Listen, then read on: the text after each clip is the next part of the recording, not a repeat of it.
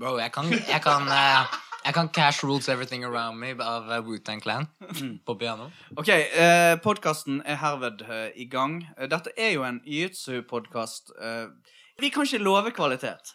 Nei. Nei, og det tenker jeg det, jeg synes det er jævlig greit å bare si med en gang. Blir At, det backline, ikke frontline? ja, altså hvis, det er, hvis du er her for faglig input og kvalitet, så er ikke det sikkert at, at eh, Da er 10 av det for deg. Men, men eh, ja, det, det skal liksom være en jiu-jitsu-podkast. Og det er jo ikke noen som har bedt om det. Nei, nei, nei, ikke i det hele tatt. Det er jo ikke bruk for det der ute, men vi gjør det nå bare for det. For det er vi hipp. Folk vet ikke hva de trenger, men nå trenger de. YouTube-podcast. Ja, så jeg, jeg, jeg tenkte jo litt sånn her eh, det, Vi er jo fire stykker som har veldig forskjellig eh, Det var lyden av en øl, forresten. Vi, vi er jo fire stykker som har helt, litt forskjellig sånn inngang til jiu-jitsuen, da. Men tenk tenker liksom Tariq, du er liksom uh, Jeg føler du, du Sipo òg er konkurransemann, du er det, men nå kommer du til å bli en familiemann mer. Ja. Ja. Vi skal ikke gå så dypt inn på det. Men Tariq, du er liksom eh, konkurransealibiet, da. Det er derfor du er her. Mm, Ja, takk. Ja. uh, og så tenker jeg liksom sånn her eh, hva, hva, hva skjer? Altså, du Har du gått Uh, Har du nylig gått konkurranse, eller skal du gå? Hva skjer? Jeg skal gå uh, konkurranse. Det blir uh, VM om holdt jeg på å si, tre uker, cirka. Og så da reiser jeg 23. mai. Så er jeg i USA. Så jeg er der en og en halv uke før jeg skal gå. Og da går jeg første og andre i juli. Nei, juni, mener jeg. Hvorfor er du der så tidlig?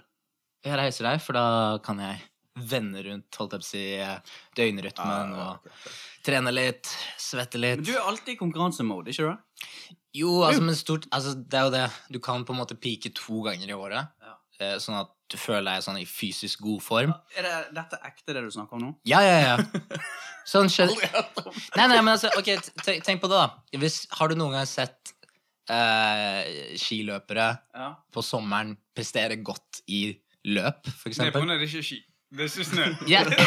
Nei, men altså sånn Det er ikke så langt ifra egentlig i forhold til at de har gjerne god kondis, de har gjerne Ja. altså, ikke sant, sånt da. Men du piker gjerne opp for de tingene du skal prestere på. ja. Så Uh, sånn sett så burde du gjerne velge to-tre konkurranser som du har lyst til å satse for da, i løpet av året. Men i forhold til at du vil samle erfaring, du har lyst til å på en måte ikke eh, føle deg sånn rusten når du går ut, og eh, bli vant til de nervene, da, så er jo det gjerne greit å ha litt sånn småkonkurranse her og der. ja. Aldri gått konkurranse. Aldri fått gjort det. Jeg føler, det? jeg, jeg, aldri gått konkurranse. Jeg føler liksom at ikke jeg Det er ekte nok. Altså at jeg bare Jeg, kan, altså, jeg driver med jiu-jitsu, men det er liksom jeg, jeg føler en skam i bånn. Eh, Er det noe jeg bør føle Jeg tror alle burde prøve å konkurrere. Altså, Men ja. ikke på grunn av, ikke på grunn av uh, at det er noe du kommer til å være skikkelig flink til, eller noe som er kanskje, kanskje det du har lyst til å gjøre på videre. Ja. Men jeg føler det, det er en det, det er en måte å gå tilbake til nesten som første gang du er på jiu-jitsu. Det, Ja. det er noe nytt og noe spennende. Og det, du møter deg sjøl på en helt annen måte enn det Ja. du møter deg sjøl på trening. Og etter hvert som du har trent jiu-jitsu lenge, så blir du superkomfortabel og jævlig vant til å være på maten. Du er vant til å vinne, du er vant til å tape. Men du, du har ingen anelse om hva du egentlig kunne få til hvis det betyr noe. Hvis, hvis, du, hvis, du, ja, hvis jeg virkelig vil vinne, Mm. hva, hva da?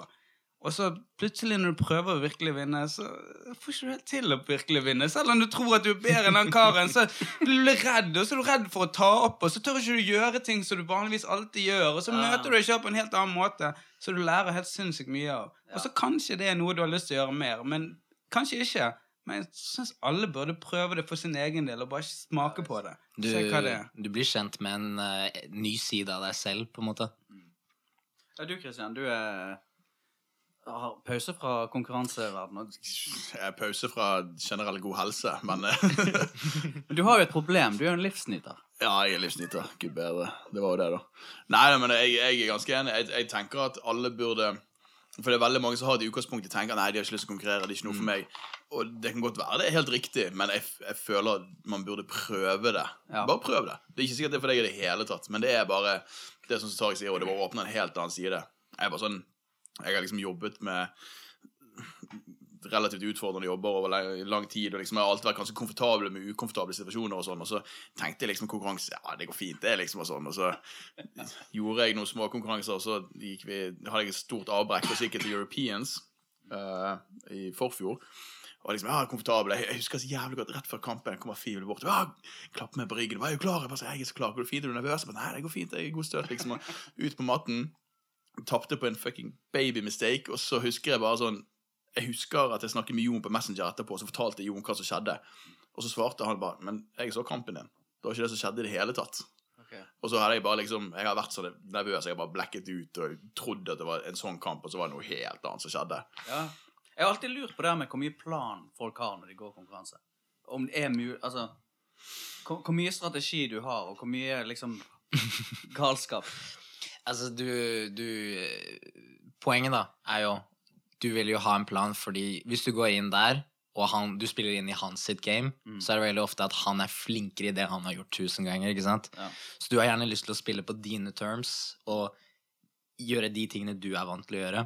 Så det å ha en plan er alltid bra. Og i, i forhold til å du, ok, du kan si sånn I starten av fighten så er det en litt sånn følelses eh, du, du vil kjenne litt på hverandre, og så er du litt sånn Ok, hvor hardt går du? Hvor hardt går jeg? Mm. Og hvis du kan utnytte det derre uh, første mom momentet da, Mm. til å uh, ta han når han på en måte ikke forventer det, perfekt. Og da går du inn i ditt game med en Men gang. det er jo vanskelig, og til og med bare når man sparer, så er det vanskelig å følge en plan for. Ja, men likevel, når du sparer, så ender du opp Ja. med å gjøre samme tingen om Ja. igjen og om igjen. Og det er ofte sånn her hver gang han prøver å gjøre det, så har du samme tingene du faller tilbake igjen på å gå. Eneste planen er bare å konkretisere det for deg sjøl og sitte, sitte deg ned med deg sjøl og si til deg sjøl hva er det jeg holder på med. Hva er det jeg gjør på når jeg fighter? Hva er det jeg liker å gjøre på? Hva er det jeg er god på? Ja. Og så sitter du i en rekkefølge inni hodet ditt, og så lager du den planen i hodet. Ok, dette vil jeg skal skje.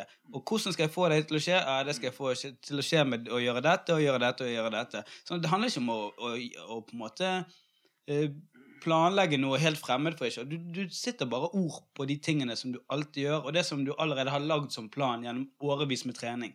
Så bare putter du de tingene inn i et system, og så prøver du å gjennomføre det systemet. For du har allerede lagd systemet. Ja. Det er bare at du må spikre det ned og gjøre det håndfast, sånn at du vet på forhånd hva du vil. Sånn at det ikke bare hva som skjer, men du styrer det i den retningen du vil. Ja, sant. Men da er jeg sykt nysgjerrig, for gjør du det? Har, legger du de planene for deg sjøl? Ja. For jeg, jeg har tenkt på det i den lengste tiden, og jeg har jo denne utrolig inside-muligheten. Jeg sitter jo på hele biblioteket til Frontline Academy sine teknikker de siste to årene. Men jeg har aldri gjort det. Jeg har aldri satt meg ned og liksom sagt dette er det jeg skal gjøre, dette er det jeg skal planlegge på. Jeg har sånn en baktanke om at dette er det jeg liksom jobber med for tiden, og sånn, jeg spør deg om visse baseringer, vi yeah. viser meg det, og liksom, ok, nå prøver jeg det, og så holder jeg på med det, og det fra halfguard, litt sånn og sånn. Men jeg har tenkt så lenge at jeg skal sitte meg ned jeg skal, bare, jeg skal skrive en liste. Dette er det jeg skal gjøre ved de posisjonene, dette er det jeg skal jobbe med, dette er det jeg liker å gjøre, det her er jeg god, dette er liksom det jeg skal jobbe med. Men jeg gjør det aldri. Jeg liker sånn uh, flowchart. Hvis du Ja, lager ja, ja, ja. Altså, så enkelt som ok, du starter med det første guardpool, da. Det er jo alltid, Ja, ja. alltid første. ah. Guardpool, og så hva er det første du leter etter? Jo, ok, en De La Hiva. Hvis ikke det går, da går du reverse De La Hiva. ikke sant? Du har på en måte ifs, og hvis ikke, bæ, da går du på Ja, ja. plan 1, 2, 3. Ja. Kjenner dere på irritasjon når dere uh, sparer vanlig trening? Kjenner dere på irritasjon når ting ikke funker? Altså, eller er dere Jeg, jeg er overlykkelig når jeg er på er trening. Jeg, jeg, jeg, jeg, jeg elsker det. Og jeg, jeg, jeg, noen ganger hvis, hvis jeg føler at, at folk ikke tar samme hensyn som jeg forventer at de skal ta, kan jeg føle litt på irritasjon. Men så har jeg skjønt etter årevis med greier Hvis det er noe du ikke liker, så må du bli flinkere til å hindre at det skal skje med deg. Og da er det din feil. Så aldri bli irritert på noen. Forstå at du har et ansvar for å hindre at ting som er kjipt, skal skje. Hvis ikke du vil det skal skje. Så hvis ikke du liker at albuer treffer deg i ansiktet, så må du være litt flinkere og fucking passe på fjeset ditt. For albuer flir, så du, må, du må tåle litt. Jeg, jeg kjenner på det. Jeg, skal, det jeg, jeg er sånn, men du har gode og dårlige dager på trening og sånn. Hvis jeg har en dårlig dag og fucking alle hvitbeltene som har trent i to uker, kommer og dreper meg Ja, men det har jeg skjedd meg, så det er ikke Liten overdrivelse. Men jeg, jeg, jeg kjenner på at det blir litt sånn Da blir det litt sånn litt on fire. Og så er det, så er det jo alltid et par stykker gummen som alltid sånn Som jeg aldri klarer noe på i det hele tatt. Så noen dager så blir det bare sånn Ja. Men så er det òg noen som Du vet den greia med når, når eh, Det er noen du sparer med som De har et game som bare ikke du, du knekker det ikke. Altså, du klarer ikke å knekke koden. Og det er akkurat som det er noen personer som kan irritere deg ekstra mye når du sparer med dem. Bare fordi at Ikke det at de er så utrolig gode, men de bare har en eller annen kroppsfasong eller en eller annen sånn greie som ikke funker. Jeg har det sånn med en, en der Altså, han Jeg skal ikke henge han ut, jeg skal ikke si hvem det er, men han har et kallenavn som en president. Jeg skal ikke si hvilken president det er. Men han, han har noe sånt som bare En av merkelig sånn Han har et sånt grep om meg som irriterer meg. Uh, Artig. men det er jo bare sånn Ja, det er. det- Bare ja, ja. noen, det er bare sånn Faen. Det er jo en clash av kroppstyper. Men jeg er glad i han, da. Altså, ja, det er noe Det er jo alle. det tror jeg alle. Men det er jo, det er jo en, det er en sånn clash kroppstyper. Du har liksom, det er jo det sånn som du snakker om Når du har planen i forhold til hva du skal gjøre og når du går ut i kamp eller sparing, og sånn, så er det jo alltid jo sykt relativt til hvem de er, liksom de første Ja. grepene, og hvordan de beveger seg, og hvordan de setter opp tingene sine. og sånn. Er det en liten og Ja, nei, men, dude, så er det noe helt annet hvis det er en lang og lenke dude. og liksom, Du, du tilpasser jo hele tiden. ja. Og så er det noe med den der eh, Å følge Altså Blir man sliten, sant? Altså Det er vel kanskje det jeg lurer på, om dere har det sånn at dere Klarer dere å følge planen deres og gamet deres selv om dere er helt forbanna utslitt? Jo trøttere og trøttere du blir, Ja. jo mindre og mindre gjør du av det du skal. For min del, for min del Du går survival mode. ja, ja, ja. Og så etter hvert, så, i hvert fall når du, når du treffer noen som, som ligger foran, og som holder på å vinne mot deg, så prøver du bare ikke tape så sinnssykt. Og så er det det helt motsatte det du trenger å gjøre. Du trenger en hail mary, du trenger å gjøre en skikkelig innsats Ja. for å vinne tilbake en greiene. Likevel er du for trøtt for å manne opp noe som helst giv for å gjøre noe som helst. Så det blir bare sånn at du går og bare «Å, håper dette skal her holder. nå nå er du på trening, sant? Nå er du på trening, tenker du, sant? Ja, men til og med konkurranser. Okay. Og det verste i konkurranse jeg føler, er at sånne Hvis du går inn i du går inn, I hvert fall hvis du har hatt litt overtak. Du fikk det ikke til. Mm. Nå har han plutselig overtak. Og så klarer du ikke å manne opp nok energi. Du er ikke sliten, du er ikke helt knust, men du bare klarer ikke å manne deg opp nok til å prøve et siste giv. Og det er det verste med konkurranse. Når du plutselig går vekk fra konkurranse, så vet du sånn Ja, han vant. Jeg har ikke engang gjort mitt beste. Jeg har bare gjort litt av det jeg klarte. Bare Det fordi det er det Ja, verste med det konkurranse. Det, det er. Hvis noen vinner mot deg pga. de er bedre enn deg, det er helt greit. Men hvis du bare taper fordi du ikke tørde å prøve eller orket Ja. å manne opp noe så helst, åh, det er det Ja, ja, ja, verste. det er, det er liksom det er min, min store sånn virkelig irritasjon i Ja. min veldig veldig korte konkurranseperiode. Det er jo Jeg husker jeg hadde en sånn latterlig kamp mot en dude i ultraheavy som var 20 kilo tyngre enn meg. Som Jeg tapte første kampen, så fikk jeg mulighet til å gå med han i åpen vekt. Og så vant jeg, og da brukte jeg alt jeg hadde. Og så kampen etterpå så møtte jeg en dude på sånn 70 kilo som er 30 kilo mindre enn meg. Og jeg eh, Og jeg ja, Avslørt- liksom, ja, ja. Eh, og det var liksom bare Jeg var så sliten at når jeg, uh, bror min filmet kampen, og når jeg så på den i ettertid, så ble jeg sånn Hva er det jeg holder på med? Altså, Jeg hadde liksom Jeg hadde strekt den ut, strekt armen, jeg hadde loop-choken. Og av en grunn så hadde jeg bare ho hånden bakpå hodet hans i stedet for å strekke den gjennom og bøye. Det var bare det. Ja. Det var bare det. Jeg skulle bare strekke den gjennom og bøye den. Så jeg liksom klarte det. Men i stedet for så hadde jeg bare der og presset. Og så bare Jeg husker bare jeg tenkte bare, Hvor var jeg igjen? Jeg var der. Det, det funker bare ikke. Virkelig ikke. Da var, jeg var, det var bare utslitt. Du var ikke til stede. Det er så rart med den der eh, Jeg kjenner av og til hvis Finne en sånn balanse Igjen, bare sånn på trening, da. Finne en balanse i det der å være chill og liksom aggressiv. Jeg syns det er vanskelig. Kommer an på hva du er ute etter. Ja. Ikke sant? Altså, er du der for å bare trene og ha det gøy, så selvfølgelig kos deg. Altså, det er ikke noe Men heter du Tariq? Nei, men altså, ja. Altså Sånn som vi Jeg og Fivel, for eksempel, da. Ja. Når, vi, når vi har fokus mot en konkurranse. Dude, det er mye spisse albuer, mye kne her, Stygge blikk. stygge blikk. Veldig stygge blikk. Mye kan, Noen ganger så presser jeg liksom skjeven inn Ja. ned i halsen hans for liksom bare skvise enda hardere. Ikke sant? Du har Ja. alt. Jeg tror han kommer til å si at det er mer enn noen ganger, men Sant? Jo, men det er liksom det, Jeg, jeg syns det er liksom jeg syns faktisk det er en litt vrien balanse. akkurat. Jeg har syntes det har vært helt umulig å finne ut av gjennom hele jiu-jitsu-ferden min. er Hvor hardt skal du gå? Ja. Hvem skal du være på matten? Ja. Og hvem skal du være kosen mot? Ja. For jeg føler at, at det er helt umulig For det I hvert fall etter hvert som du begynner å ta igjen folk som har pleid å, å, å, å ta deg, og så begynner du å ta de, Mm. og så begynner de å ikke se på deg lenger. Og når det er på tide å velge hvem du skal gå med, så er sånn Skal vi gå sammen? Så ser du på dem, men så ser de på bakken, eller de ser til andre siden, så vet du sånn derre For det Du tror jo at at du er grei hele tiden, eller at du prøver å, at du forholder deg til dette, her, men du vet jo aldri. sant? For det er jo bare sånn her, Jeg vet hvordan jeg oppfatter meg, men jeg vet jo ikke hvordan nestemann oppfatter meg. Så du vet jo ikke om du egentlig har douchebagen i gymmen. For ingen som kommer til å si til deg sånn Hei, du har er douchebagen i gymmen. De kommer bare til å se vekk. Så Første øyeblikk jeg ser på noen, og de ser vekk, så tenker jeg sånn Nei! Er det meg? Det er han douchebagen! Nei!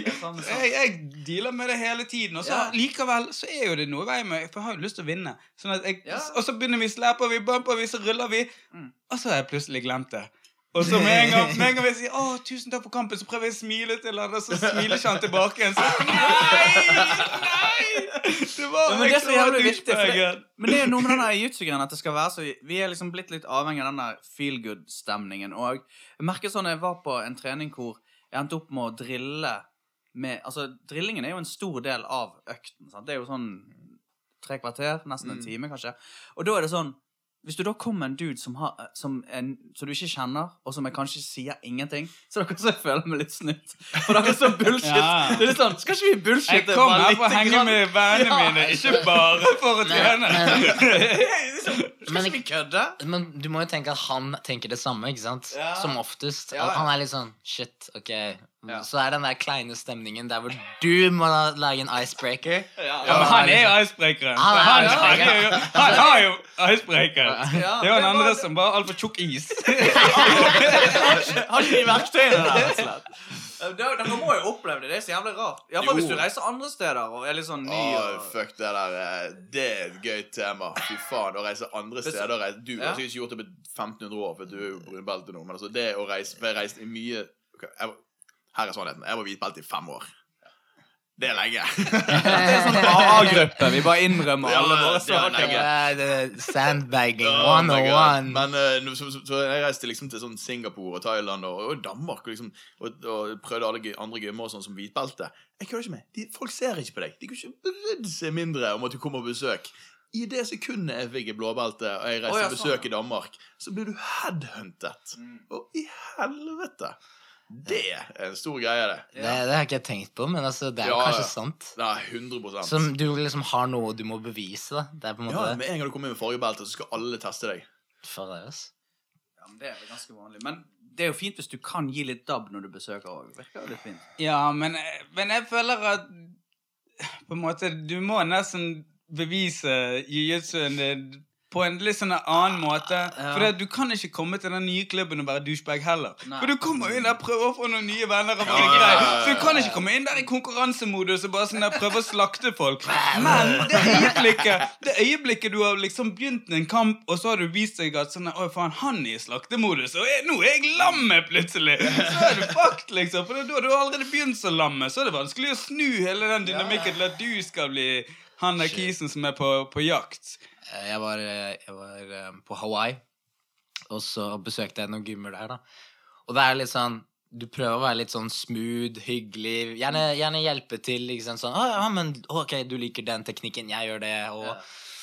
og så, så kommer alltid den derre ene brunbelten som er Og jeg var brun da også, ikke sant? Nei, jo, jeg var lilla. Så kommer en eller annen brunbelt. Ja, vil teste meg ut og sånn. Mm. Så det er alltid de første to minuttene som går sånn sykt chill.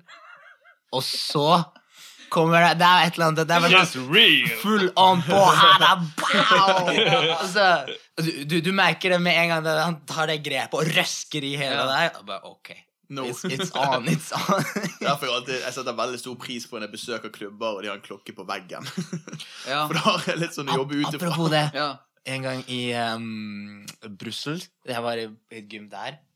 Og da var jeg blåbelte, men jeg, jeg var blåbelte i sånn tre, tre og et halvt år, tror jeg, cirka. Så på slutten så Ok, jeg var kanskje litt forbi det stadiet. Så uh, trente jeg med noen lilla belter der, da. Og han treneren bare Nei, nei, nei, han er ikke blåbelte. Hva, hva, hva, hva, liksom der. Og han stoppet til og med tiden, sånn at på en måte rundene gikk videre og lengre. jeg bare oh, fuck. Jo, men det er liksom Det er vel sikkert noen gymmer som har dårligere rykte, da. Altså hvis Det er jo liksom Det er jo på en måte kampsport, så du vil jo treffe folk som er idioter, på en måte. Som, som liker å slåss, og liker å kicke ass. Jeg, jeg føler nesten allerede bøyegreiene. Altså, jeg, jeg føler at folk som er I hvert fall folk som har trent bøye en stund, Mm. er jeg har aldri truffet en bøyekis som er en Eller selvfølgelig langt ifra en at Folk er helgener, men det er aldri den der super Det er sant. macho Nei, det er sant, det. macho-greien. Det er sånn der, det, det, det er macho i den forstand av at sånn der, alle, alle har et ego. Og det der med at uh, jiu-jitsu dreper ego, det er bare noe Helt motsatt. Men, men, eh, men på et, til et visst nivå så treffer jeg veldig lite drittsekker. Altså, er sant. Veldig få folk som er ute etter å skade deg eller gjøre noe vondt. Folk er bare ute etter å bevise at de har god jiu-jitsu, at de er støtet. Og det er jo jeg òg! Ja. Det, det kan jeg Men du respektere. kan, du kan treffe drittsekken med tre striper hvitbelte, altså. Der, der, kan du, der, der kan du treffe liksom en asshole. For det er noe med at det er noen folk som klarer Altså det, Jeg føler det er noen som gir så jævlig gass i et år, og så bare forsvinner de. Ja. Eller sånn ett og et halvt år. Det er mange som er sånn Det- to måneder i Ja. gymmen, så er de frelst, og så Ja. skal de ha frontline-tatovering på halsen nesten. Fordi de har trent en liten stund. Og så plutselig et år etterpå så ser du ikke de lenger. Så er de det er spøkelser. Det altså. er sant. Det er sant. noe der. Men, men altså, det finner du i MMA. Det finner altså, Ja. Har du ikke sett hvor mange folk som kommer inn og Ja, jeg skal være ny Mac Conor McGregor. Ja. Ja. ikke sant? Ja, folk leter etter tilhørighet. Og så det er, det er naturlig. Spesifikt januar og august er de månedene der hvor eh, de kommer innom. God. Jeg pleier alltid å styre unna de som snakker om seg sjøl i tredje Tredje person. person. Ja, da er det sånn. Og de bruker liksom, da er sånn OK, du blir her en måned maks. Det. Men det, det er litt sånn enten så blir du en bedre person. Enten så blir du en bedre person og endrer Ja, deg, eller så forsvinner du. Det er litt sånn. Jeg vil si nitt- 99 ut av 100 ganger ja. Men det, det, det, er, det finnes unntak der òg, ass. Ja. Men faktisk en ting som jeg tenkte på Altså, hvis dere har noe et, En eller annen ting dere vil ta opp, så må dere selvfølgelig gjøre det. Men en ting som jeg grublet på, var Altså, begge, eh, Tariq og Sipo, dere har jo vært På en måte, dere har jo lært vekk ting eh, og vært liksom undervist i det her uh, jiu-jitsu-greiene. Jeg vet ikke, Har du gjort det, Kristian? Har du liksom Nei, jeg, jeg er den jeg ringer sist på listen. Ja, OK. Når, når, disse, to, Alle når disse to sier nei, Vinny uh, Ja. vekkreist og uh, alt det der, da sånn, når alle sier nei, da er det meg de ringer. Men uh, som oftest Da står du bare midt i gymmen og leser opp en SMS fra Fivel. Sånn. Ja. men, eh, men det der med å lære vekk denne greien der, virker, det virker så snålt. For at når du er blåbelte, så er det hvitbelter som spør deg om ting. Sant? Men jeg kjenner at liksom Jeg tør ikke å si noe, for at uh, jeg, jeg føler at liksom jeg, jeg, jeg stoler ikke på en måte på at jeg kan detaljene nok. Er dere enige med at det Altså, det, jo, det du sier, er jo veldig sånn Det er jo helt normalt. Ja. Ikke sant? Eh, Det kommer jo an på hvilket tema det er. da Ja. Er det et tema du føler deg forholdsvis trygg på, eller er det et tema du ikke er sånn Jo, men okay. det er liksom, Selv om det er en basic ting, så føler jeg så mye detaljer. Så jeg føler ikke Jeg, jeg har reagert litt på veldig ofte at veldig mange som viser teknikker, Ja. har en tendens til å si 'jeg liker å gjøre', ja. som en slags sånn forsvarsmekanisme til at Mm. De er ikke 100% sikre på om det er kanskje det som er riktig, men dette er hva jeg liker å gjøre, og dette er sånn jeg viser det. Men- det er en grei måte å gjøre det på. Men, men det er helt riktig å si det òg, Ja, for ja. det er bare det du liker å gjøre. Ja. For det, du kan gjøre det på en annen måte. Det er ikke en fasit, sant? Jo, det, det er en fasit i, i form av at dette her er en brekkstang, og hvis du griper Ja. lengre ute her på brekkstangen, Ja. så kommer det til å være mer effektiv. Det er jo sant. Men likevel så er det mange detaljer og mange ting som er, er bare helt eh, opp til din erfarings... Ja, din erfaring, hva som fungerer, og hva som ikke fungerer. Ikke minst litt preferanse. Ja, din okay. preferanse. For det at, eh, sånn som når jeg begynte å undervise, det, det, da, da hadde jeg eh, noen timer på frontland, men jeg fikk heldigvis gå vekk fra frontland og til Mudo for Ja, ha ja. timer. Og til og med da var jeg litt sånn ah, jeg vet Fivel er helt sinnssykt mye flinkere enn meg til dette. Og hva hvis de spør meg om noe jeg ikke vet? Hva, hva hvis de sier ting Hva hvis jeg ikke vet hva de spør om? Men med en gang jeg begynte å ta på meg rollen, så skjønte jeg at jeg har jo jeg vet jo mye bedre enn de som spør meg. Alle, Det hadde vært Det er sant, kjemperart hvis de visste bedre. ja, så med, så med en gang de spør meg om noe og eh, jeg var på en måte redd for hvordan jeg var i forhold til Fivel. Så skjønner jeg at kanskje hvis Fivel hadde svart spørsmålet, så hadde han kanskje svart det på en litt annen måte. Men det er ingenting å si for denne hvitbelten her, eller denne her Nei, nei, nei. helt ferske personen som ikke har noe erfaring. De groveste trekkene, det kan jeg, og det kan jeg fortelle videre. Og så har jeg mine preferanser utover det. Som Mm. kanskje er litt annerledes enn noen av de tingene Fivel lærer meg. Ja. Ofte så har jeg mine preferanser, så prøver jeg å lufte de for Fivel. Så sier jeg sånn, ja, men jeg liker å gjøre sånn som dette. Så gir han meg en god grunn for hvorfor det er feil. så har jeg. Ja, mest sannsynlig. Men likevel, det var min preferanse. Og Ja. det er greit. Men da er det hvitbelter du har, sant? Der, eller hadde. Utelukkende hvitbelter. Ja. Nei, nei, og, Eller- og blåbelter, men fra Frontline som kom, så var mine venner fra. Frontline som ble med meg ut der.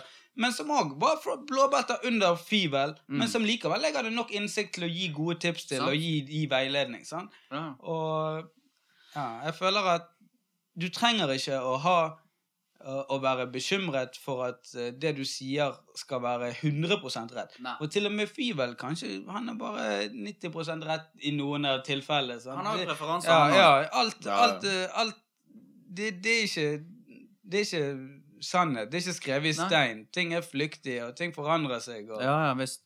Ja, for det, det er fascinerende. Jeg så han uh, Travis Stevens, han er judo-kisen. Mm. Han sa at uh, det han likte med å trene uh, med John Danner, det var at det var aldri noe sånn what if. Sant? Det er sånn Hva hvis Ja, men hva hvis han gjør sånn? Det var liksom ikke Det var ikke Tydeligvis så på den gymmen, eller med han, så er ikke det sånn. Det er sånn Her er systemet. Gjør systemet. Sant? Gjør, gjør akkurat dette. Og så er det sånn Ja, men hva vet Nei, nei, nei. Du, og han har tatt den videre, da. Men er det liksom en Jeg vet ikke, jeg syns det jo virker litt rart. For jeg føler liksom at hos oss så stiller folk hele tiden sånn spørsmål. Ja, men hva hvis, liksom? Men folk spiller veldig ofte feile spørsmål, fordi vi lærer en teknikk for at å, vi- Ok, han kommer og griper deg her, og da skal du gjøre det og det. Så spør, spør folk ja, men hva hvis han griper deg der? Ja. men, det, er det det, er ikke relevant! relevant. er, Det er ikke relevant. Det er ikke det vi lærer nå. det er sant. Og uh, altså, som Teta, treneren min, han pleide å si Ja, what if my mother had balls? Så Det er et stort spørsmål. ja, Du kan på en måte Det kommer til et punkt der det blir veldig irrelevant Ja. hva du spør om. Men øh, dere må jo tydeligvis bare svare de selv. Altså, folk spør jo, så dere må Nei, Altså, du eller- kan jo uh, blåse noen vekk og si Ja. det, det. Ja, ofte så kan du styre de litt tilbake igjen på det som egentlig var tema, og det Ja. de egentlig burde holde fokus på. Og veldig ofte de som spør meg spørsmål om sånn her, men hva hvis han gjør det, hva hvis han gjør det, så er det litt ting som ikke handler med det å gjøre. Men noen, de ser liksom på trinnet etter, Ja. og de ser liksom, ok, nå gjør jeg dette her, men da kan jo han svare med dette her. Ja. Men til og med da er det litt sånn her, ok, du kan lære det nå, men du kan ikke lære alt på en trening. Så det beste for deg er å holde deg til den faktiske tingen vi skal lære i dag. Og hvis du forholder deg og bruker denne tiden på den teknikken, så kommer du til og med ikke til å bli god nok på den. Så, sånn at, det minste du kan gjøre, er å bruke i dag på denne teknikken. For du burde egentlig bruke mye mer enn det på denne teknikken. Eh, en annen ting um, Når du lærer vekk, eh, lærer vekk teknikker, så merker du plutselig detaljer som du gjør veldig sånn instinktivt. Og så ser du en annen kis gjøre det, og så bare sånn Nei, noe er feil. Du trekker ikke hofta di opp sånn som jeg gjør.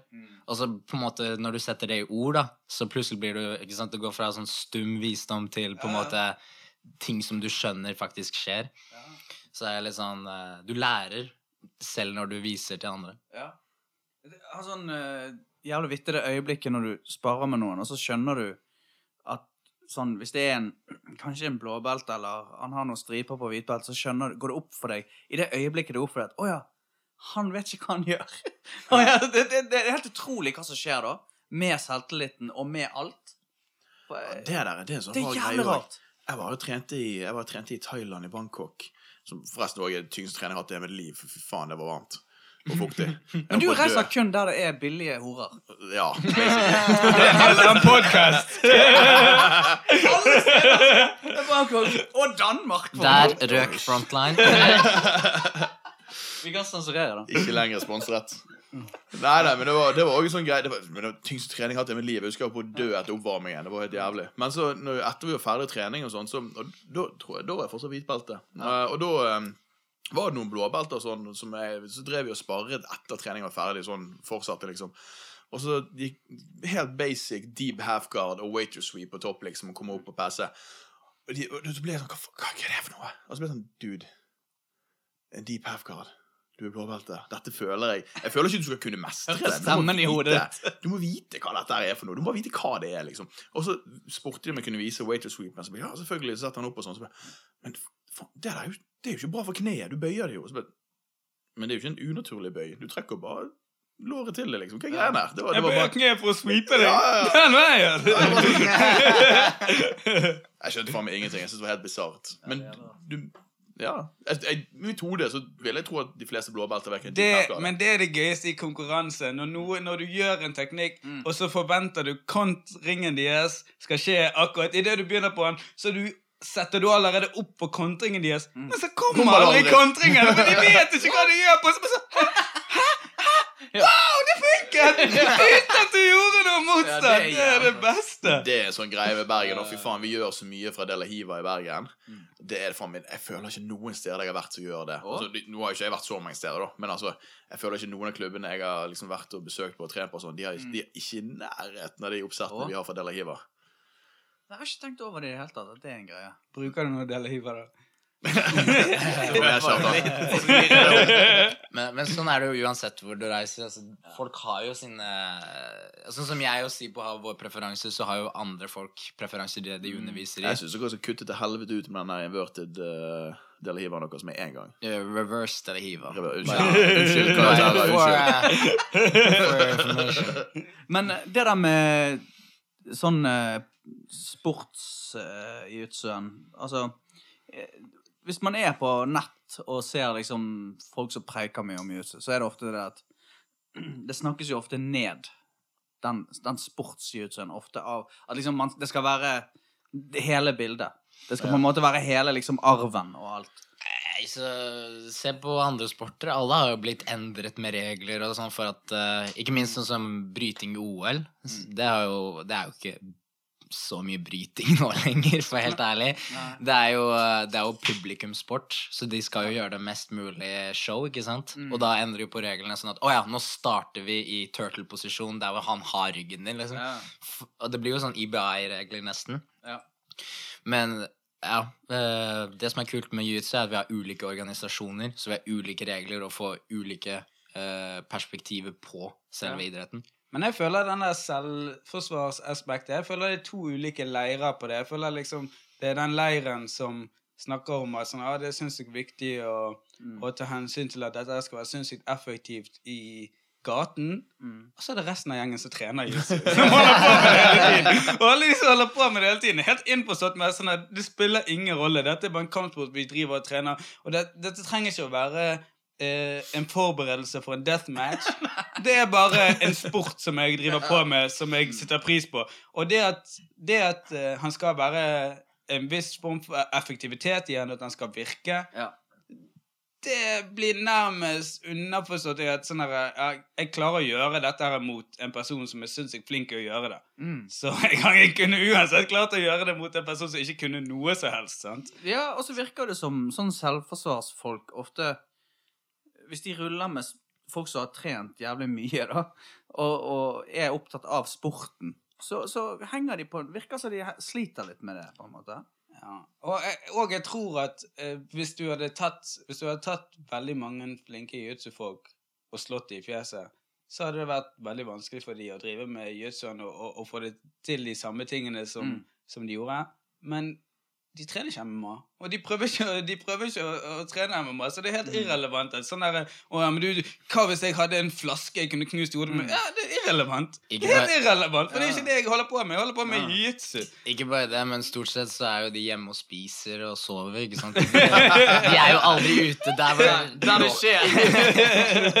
Det er sånn Det er vel litt forskjell òg. En, som- en som fokuserer på jitsu for selvforsvar, fokuserer jo ikke å forsvare seg mot en annen som gjør jitsu.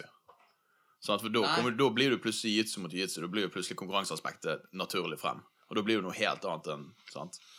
Ja, og så er det liksom det argumentet med at de er redd for at det, det samme skal skje med jiu-jitsuen som har skjedd med andre kampsporter. da. Men, ja, men samtidig så er det litt sånn Jeg vet da faen. Det, det, det virker som bare liksom Jeg syns jo internett har over gjennomsnittlig god kontroll på utvanning av jiu-jitsu. For jeg ser jo bare sånne Hvor mye, hvor mye teknikker ser du og tar med deg til Å nei, jeg tenkte mer på sånn her eh, liksom exposing fake black belt. Ja, ja. liksom sånn, for De løper rundt som galninger på det der. Husker at når de andre sportene kom ut, og sånn sett, så var det jo ikke den samme tilgjengelighet av liksom sosiale medier, og alt, alt var på nettet, liksom. Nå blir jo faen Hvis det er noen som åpner en gym med fake svartbelte, så går det bare noen dager, så blir jo stormet av folk som eh, skal filme og være kul og dette. Uh, Hvor mye bruker dere Dojo raiding. Dojo raiding, oh. Hvor mye bruker dere nett eh, er det, Bruker dere det i det hele tatt på liksom Vet du hva? Jeg var medlem Unnskyld, Fyvel. Ja. Jeg var medlem på uh, mendesbros.com Oi, oi, for liksom Bak eh, ryggen! Uh, Det er sånn fire år siden eller noe sånt. Men jeg er husker meg og Jon han er jo satt uh. Han er. Ja, han, ti- tingen er at han er med sjøl. Men Ja. han kommer til å bli sur hvis vi er med. Han kan jo ikke norsk. Han hører ikke på det dritet vi snakker om. Jan, Jeg, jeg bruker jo kontoen hans daglig, ass. Ja, Men du, Sipo, er du en uh... Jeg, jeg, jeg er på internett hele tiden og sjekker ut teknikker. Jeg, jeg, jeg, jeg, ser, jeg ser på Jeg ser på eh, Jeg ser på kamper, jeg ser på instruksvideoer om hvordan gjøre teknikker. Jeg ser på veldig mye. Og, og det funker eh, ikke i den forstand av at jeg kan se en teknikk og så gå og gjøre den på gymmen. Det skjer noen ganger, men helst mot folk som er en del dårligere enn meg. Da kan jeg gå og gjøre de teknikkene. Men det hjelper meg i å, å få et bredere syn på ting og forstå, se ting fra andre perspektiv. Og det, viktig, det gøyeste jeg vet, er å høre om andre folk snakke om forskjellige teknikker, og bare se hvor de ligger fokus, og hva de tenker på når de snakker om teknikkene, når de Mm. viser frem teknikkene. Det på en måte gjør at jeg får økt perspektivet mitt på hva jeg må tenke på når jeg gjør de forskjellige tingene. ja, ja. Så selv om jeg ikke nødvendigvis lærer den spesifikke teknikken som jeg ser på når jeg ser en video, så får jeg et innsyn i hvordan den personen som lærer vekk den teknikken, tenker om jiu-jitsu. ja. Ikke minst sånn jeg- ordbruk. Ja. Eh, sånn, ok, Sier han 'foten der', eller er det liksom Ja. ikke sant, hoftebein altså, Alle bare sånne små ord som gjør ting forståelig, da. Sånn at andre kan ta bedre informasjon. ikke sant? Men jeg, har dere, jeg vet, dette gjelder bare meg, i hvert fall, men jeg vet ikke om dere har en sånn følelse av at når dere, veldig ofte når jeg ser en teknikk, altså noen ganger så, bare sånn, så slår det meg en sånn lysbryter. bare sånn, Det er en greie som kommer til å funke for meg. Det er en sånn greie jeg kommer til å ta med videre. liksom. Ja. Som, jeg, jeg bare, og jeg har, Mitt beste eksempel på det må være fra Jeg så en konkurranseklipp fra Nick Rubin i Oslo. Eller Drammen. Uh, og eh, hvor han, han, gjorde, han lå i North South og gikk liksom rett til en mount. Liksom, sånn kjapt. Eh, og jeg husker, jeg husker jeg tenkte bare sånn Det der, det skal jeg begynne å prøve. Det, det likte jeg. Det var en sånn greie. Det høres ut som noe jeg kommer til å like. Ja, ja, ja. Rett fra North South to Mount. Det, er liksom, det, er liksom en av, det er liksom en av de mest brukte mount, uh, mountene jeg bruker, liksom. Og det er bare, jeg så han Jeg så han gjorde han på en konkurranse. Og så liksom fant jeg ut hvor det var, så gikk jeg tilbake, og så så jeg han om igjen om igjen. og Er det opp headspin og så lande på Oh, Mount? Er det wish. Ja, men det, det, En ting som er ofte de her tingene er at jeg glemmer å tenke at, at liksom, jeg ser en teknikk eh, bli liksom vist, så tenker jeg det der, det der kan funke for meg. Så glemmer jeg at du skal tilføre at du er jævlig svett og jævlig sliten, og at du liksom generelt sett bare er i kjelleren. Og da forsvinner jo all alt. Og det, det er faktisk det verste med alt. Altså all, all hvor, Eller overraskende hvor mye Uh, Altså hvor uintelligent man blir når man er sliten. Da kommer jo inn drilling, muskelhukommelse. sant, altså. Du må jo altså automatisere ting, ikke sant? Alt starter med eh, så, grovmotorikk. Mm. Der hvor du står der og bare «Ah, Var det det grepet? Og så var det det. Og så én, to, tre. Ikke sant? Sånn. Og så, så snart du får en flyt og klarer å automatisere det, da snakker vi om at du klarer å gjøre det under stress. Ja, men Klarer dere å drille Altså, OK, helt ærlig dri, altså, Hvor mye drilling gjør dere, da? Ikke nok. Det skal jeg være ærlig Det er, det er jo Altså- Jeg vet ikke. Det er jo Det er perioder, ikke sant? Så noen perioder så er det masse nytt, mye å lære, ikke sant? mye å ta inn. Og da har du lyst til å drille masse. Og så andre perioder du bare har egentlig bare lyst til å spare. Altså, drilling har vært min største svakhet gjennom hele min russerett. Jeg, jeg, jeg, jeg liker virkelig ikke å drille og bruker altfor lite energi og, og innsats på å drille. Men jeg forstår viktigheten av det, og jeg skjønner at, at veldig mye av de uskarpe tingene, eller de tingene som jeg liker å gjøre, kunne blitt mye bedre hvis jeg hadde drillet de og fått det til å sitte skikkelig i kroppen, så jeg slapp å tenke så mye på det. Men måten jeg liker å drille på, måten jeg på en måte forbipasserer det å drille, og, og drille på min måte, er med å, å gå inn i, i situasjoner der jeg bare prøver å gjøre samme tingen ofte. Sånn at jeg, jeg ser for meg dette er en ting jeg har lyst til å drille på, dette er en ting jeg har lyst til å gjøre på, og så bare prøver jeg å gjøre det hele tiden. Så prøver jeg å gjøre det mot ulike folk på ulike nivåer. Ja. Og mot de folka som er dårlige, så får jeg det til mange ganger. Ja. Om igjen, om igjen, om igjen. Og så kommer jeg til de folka som er bedre, og så får ikke jeg det til på de, og så må jeg gå tilbake igjen. Ja, hva er det jeg ikke klarte da? Så går jeg tilbake og prøver litt til på de som er dårlige, Ja, og så begynner jeg å skjønne litt mer, og så går jeg tilbake igjen. Å, der fikk jeg det til slutt til med han. Sånn at jeg prøver å putte fokuset mitt på det, sånn at jeg gjør det mye, men jeg, jeg, jeg, jeg gjør det veldig lite i sånn stagnerende. For jeg føler, jeg føler nesten at når det ikke er noe motstand i det, og jeg bare gjør det om igjen og om igjen, så gjør jeg det riktig kanskje ti ganger, og så etter det så bare, så bare gjør jeg det. Og jeg, har, jeg, jeg, klarer ikke å fokusere på det, jeg klarer ikke å putte energien i å gjøre det helt riktig og finslipe teknikken. Det blir bare om til at jeg gjentar teknikken istedenfor å finslipe den. Sånn at derfor gjør jeg det på en annen måte. Men, men jeg vet det hadde vært bedre hvis jeg bare tok meg sammen og klarte å gjøre det. Men sånn er det på alt, på en måte. Ja, og, og det er litt sånn at ikke alle har den disiplinen til å sette seg inn i samme situasjon om og om igjen, ikke sant? Så det er litt sånn, sånn som når eh, jeg har eh, timen, så vi, og så går vi gjennom dagens teknikk, så prøver jeg å sette folk i posisjonssparing der hvor de blir tvunget til å bruke den, da. Altså for deres egne, eget eh, Altså sånn Mm. De lærer ekstremt mye mer av det. Ja, ja. Du, du ser bare med en gang at de, de klarer å f forstå konseptet av teknikken. Når ikke sant? Når kan jeg bruke den? Mm. Uh, er det når han presser tilbake? Er det når jeg presser frem? Og, ikke sant? Sånne ting. Jeg føler det burde vært kanskje mer posisjonssparing. Eh, på Mudo så hadde jeg ofte posisjonssparing, og det er en ting jeg likte å bruke i mine timer. Uh, men jeg, du er på en måte litt avhengig av at folk er på et visst nivå for at det skal fungere. For hvis du skal putte folk i posisjonssparing, så er du litt avhengig av at de gjør de riktige tingene som du skal gjøre, som både forsvar og angrep i de posisjonene. Ja. Sånn at veldig ofte hvis du sitter helt sånn som på ute på helt ferske hvitbelter i posisjonssparing, så prøver jeg å lære dem dette her er veldig lurt å gjøre, dette er veldig lurt å gjøre. Men de tingene er jo bare lurt å gjøre hvis den personen på bunnen, for eksempel, forsvarer seg på riktig måte. Hvis han forsvarer seg på en løk måte, så trenger du ikke å gjøre noen av greiene. Så kan du bare gjøre akkurat det som faller deg inn, og så virker det. Så virker det hver eneste gang så tenker du sånn Ja, drit i den teknikken din, du vet ikke hva du bruker den. Jeg kan bare klemme den, og så, Ja, så, så, så, har jeg vunnet. Sånn, sånn at posisjonssparing tror jeg egentlig er litt forbeholdt på at folk er litt kjent med posisjon, Mm. og at folk har litt forståelse av hva de skal gjøre i både forsvar og angrep på posisjon. Da Ja. posisjonssparing bra. Men sånn som jeg brukte det, da funket det sånn medium. Fordi at det var for mange som ikke var Gjorde skikkelig klar over Ja. De visste ikke de riktige tingene, så de visste ikke farene, de visste ikke fordeler, de visste ikke nok av hva de skulle med det. på en måte. Eventuelt, da, hvis du, hvis du har halvparten som er litt erfaren, og så har du halvparten som ikke er erfaren, så kan du jo prøve å på en måte bytte partner mellom sånne runder, sånn at flest mulig får liksom byttet. Ja. Det, det hjelper noen ganger, for da er det sånn Ok, han her er dritsterk, han er dritsvak, så han kan du på en måte Ja. holde nede, han andre kan du ikke, ikke sant? Veldig godt eksempel er sånn uh, Jeg husker jeg var på besøk i Oslo, og så drillet vi en sånn merkelig sånn selvforsvarsgreie hvor du eh, på, ligger på bakken, og så har du den klassiske den der eh, headlock Uh, Kesagatame Ja, holder rundt sånn, sant? Og så er det sånn at så spar, uh, drillet jeg med en, en ganske fersk dude, men han var jævlig stor og sterk. Så for han tenkte jo bare sånn eh, Å ja, men jeg skal jo bare poppe hodet ditt av. og det er sånn Den teknikken funker jo, men ikke mot en viking.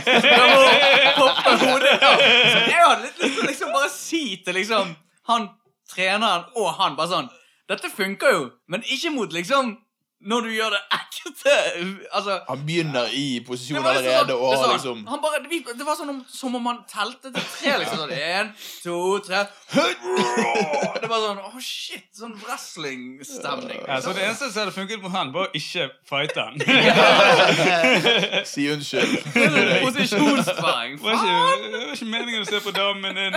Jeg syns ikke hun er så fin engang. La meg bare gå.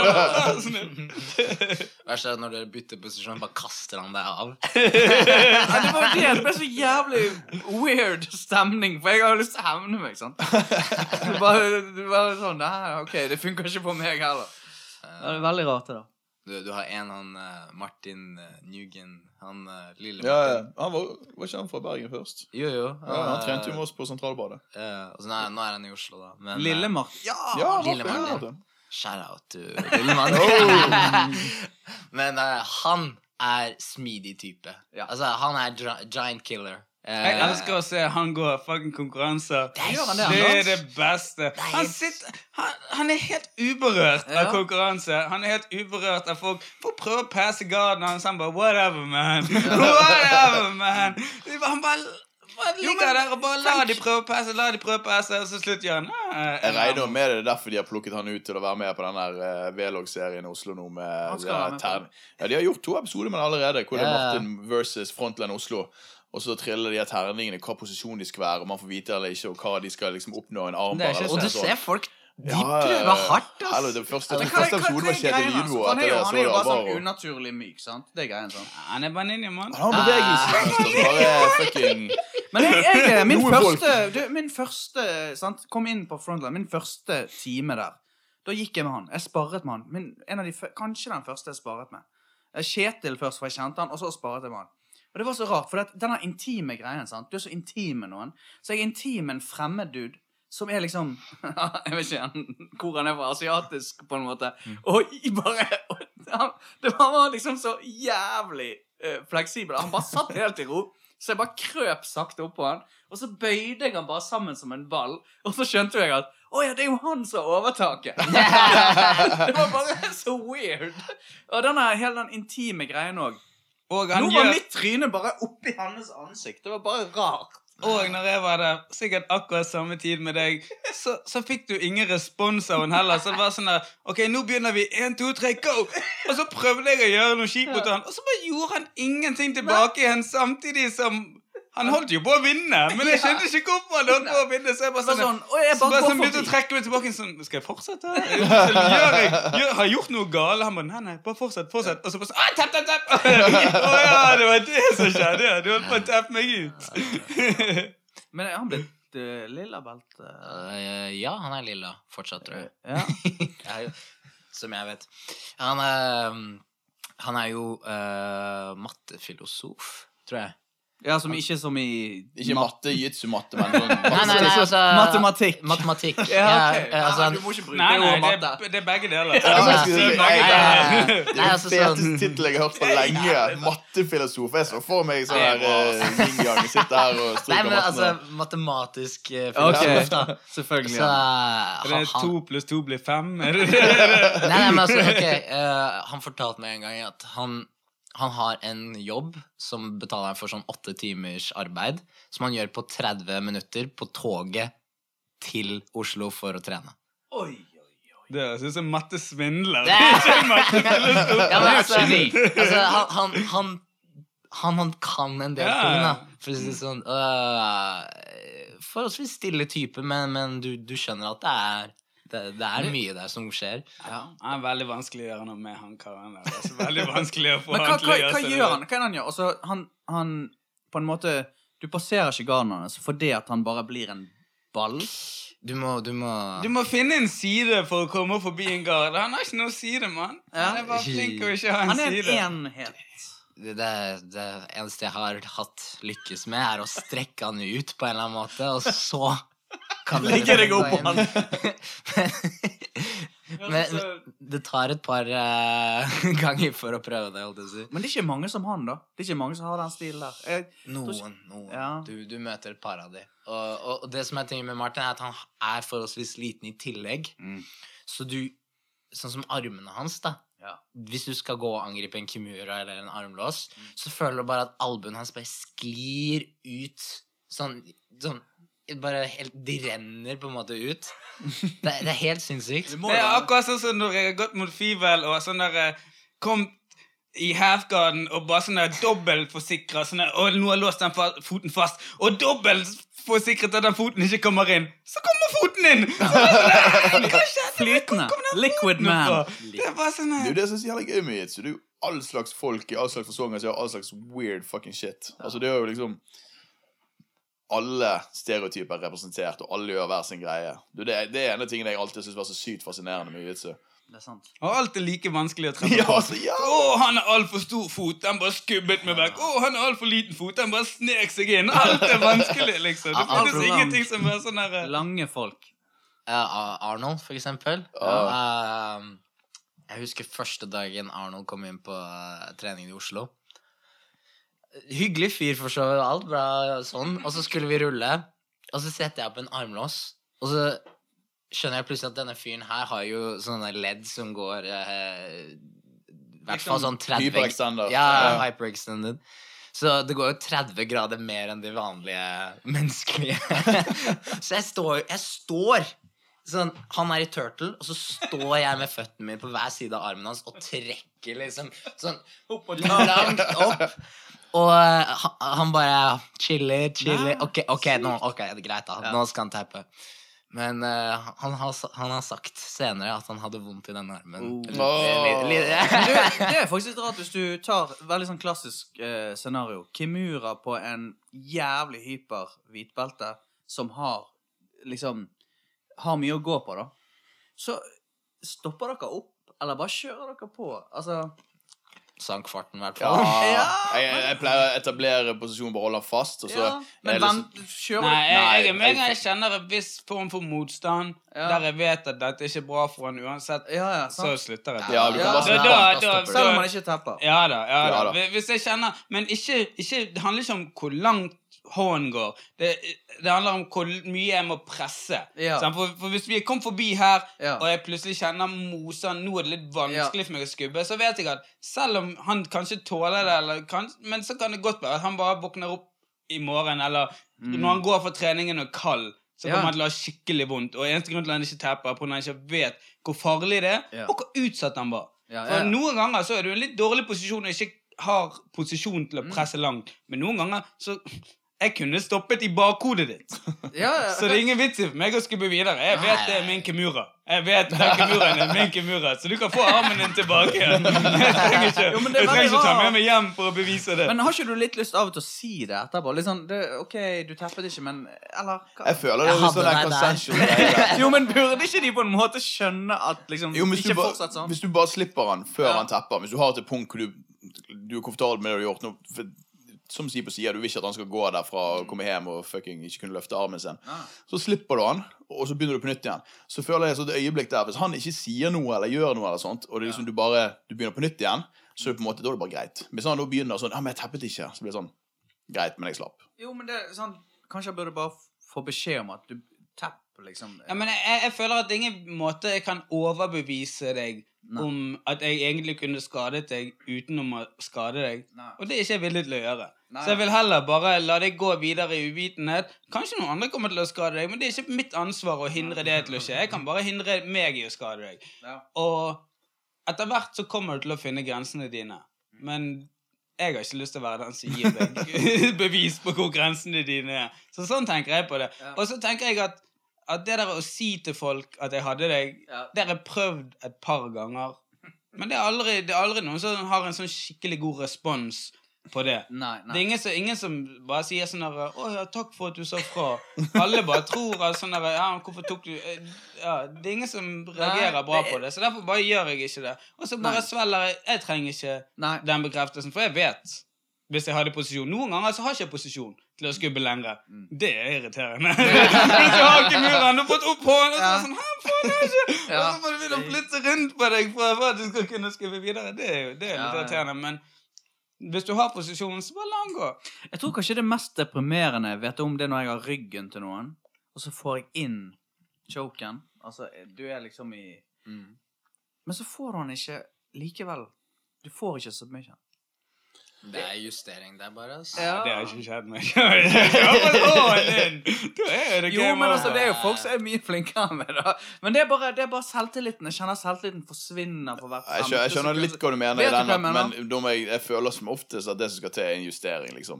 Hvis Første gang jeg setter han, og så hvis de kanskje hvis jeg ser, for det, det er mye du kan se på og hvordan de reagerer, hvordan de forsvarer seg, om dette er noe som, om du er på vei i riktig retning eller ikke.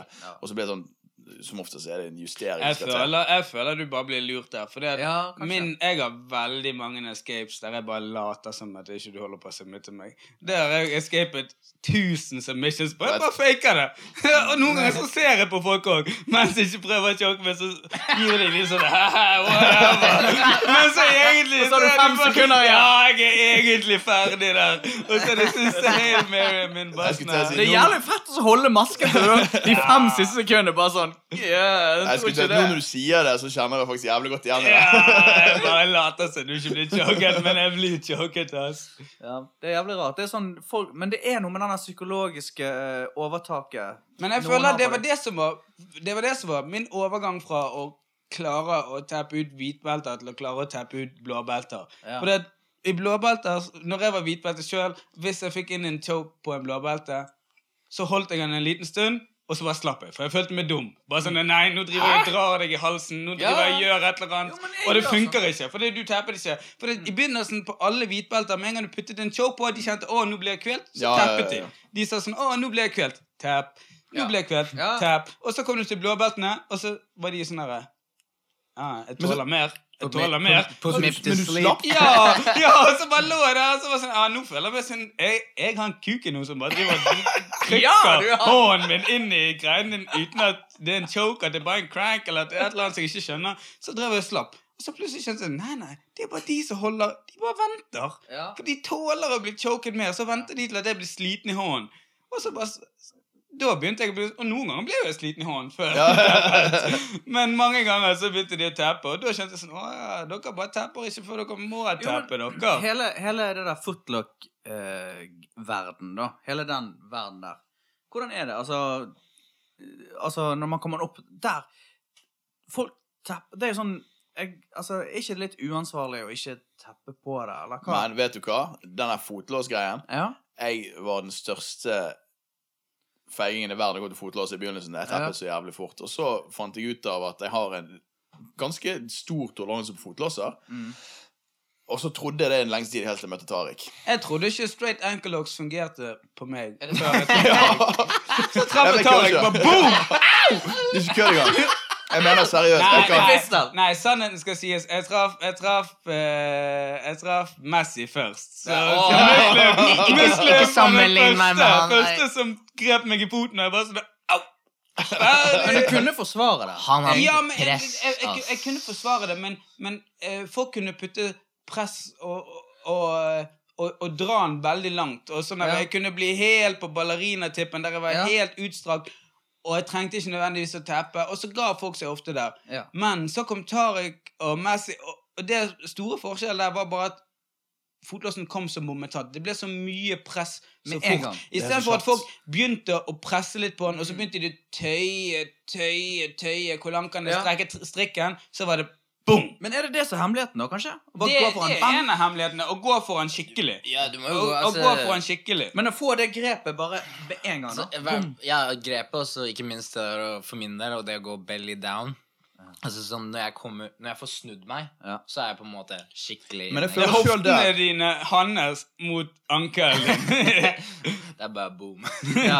men, men, eh, og poenget er at hvis jeg venter med å snu meg, så har han gjerne tid til å begynne å defende. ikke sant? Så det, er sånn lite, det er et lite sekund der, der hvor jeg må forte meg over Ja. før det skjer noe. Men det er jo det som skjer, at du blir vant til, når du går mot ferske folk, så blir du vant til at det å ta en fotlås på dem, det å liksom ta grepet, liksom synker den inn, og så bare, sånn som du sier, sakte, men sikkert, bare liksom Plasserer den, og så tar det lang tid. Altså, eller det går liksom fem sekunder der, Sånn. Men, men altså sånn i forhold til Messi Han plukker opp folk fra fotlås, bare så dere vet det. det er- jeg, jeg kan ikke gjøre det samme som han gjør. Han, eh, han har et ufattelig press på de fotlåsene. Det er helt sinnssykt. Hva mener du med plukker opp folk? Altså, Altså, Løfter de. han, han han, han løftet en kis uh, Det var Nogi Worlds um, 2016? 16, nei? Ja, jeg tror det. ja Der hvor uh, jeg heide på han og coachet han og Altså,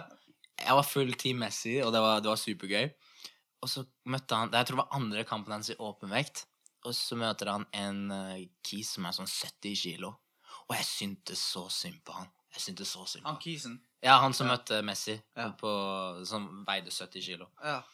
Uh, han pullet jo guard, Mm. og det varte i ca. fem sekunder. Der hvor uh, Messi plukket opp Ja. Stima.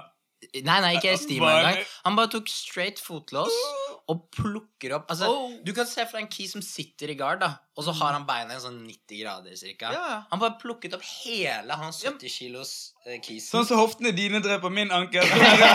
hoftene til han kisen sine egen ankel. Men ja, hele kisen var liksom Ja. opp fra gulvet, da. Og vi, vi snakker sånn 90 grader ut fra Messi som står.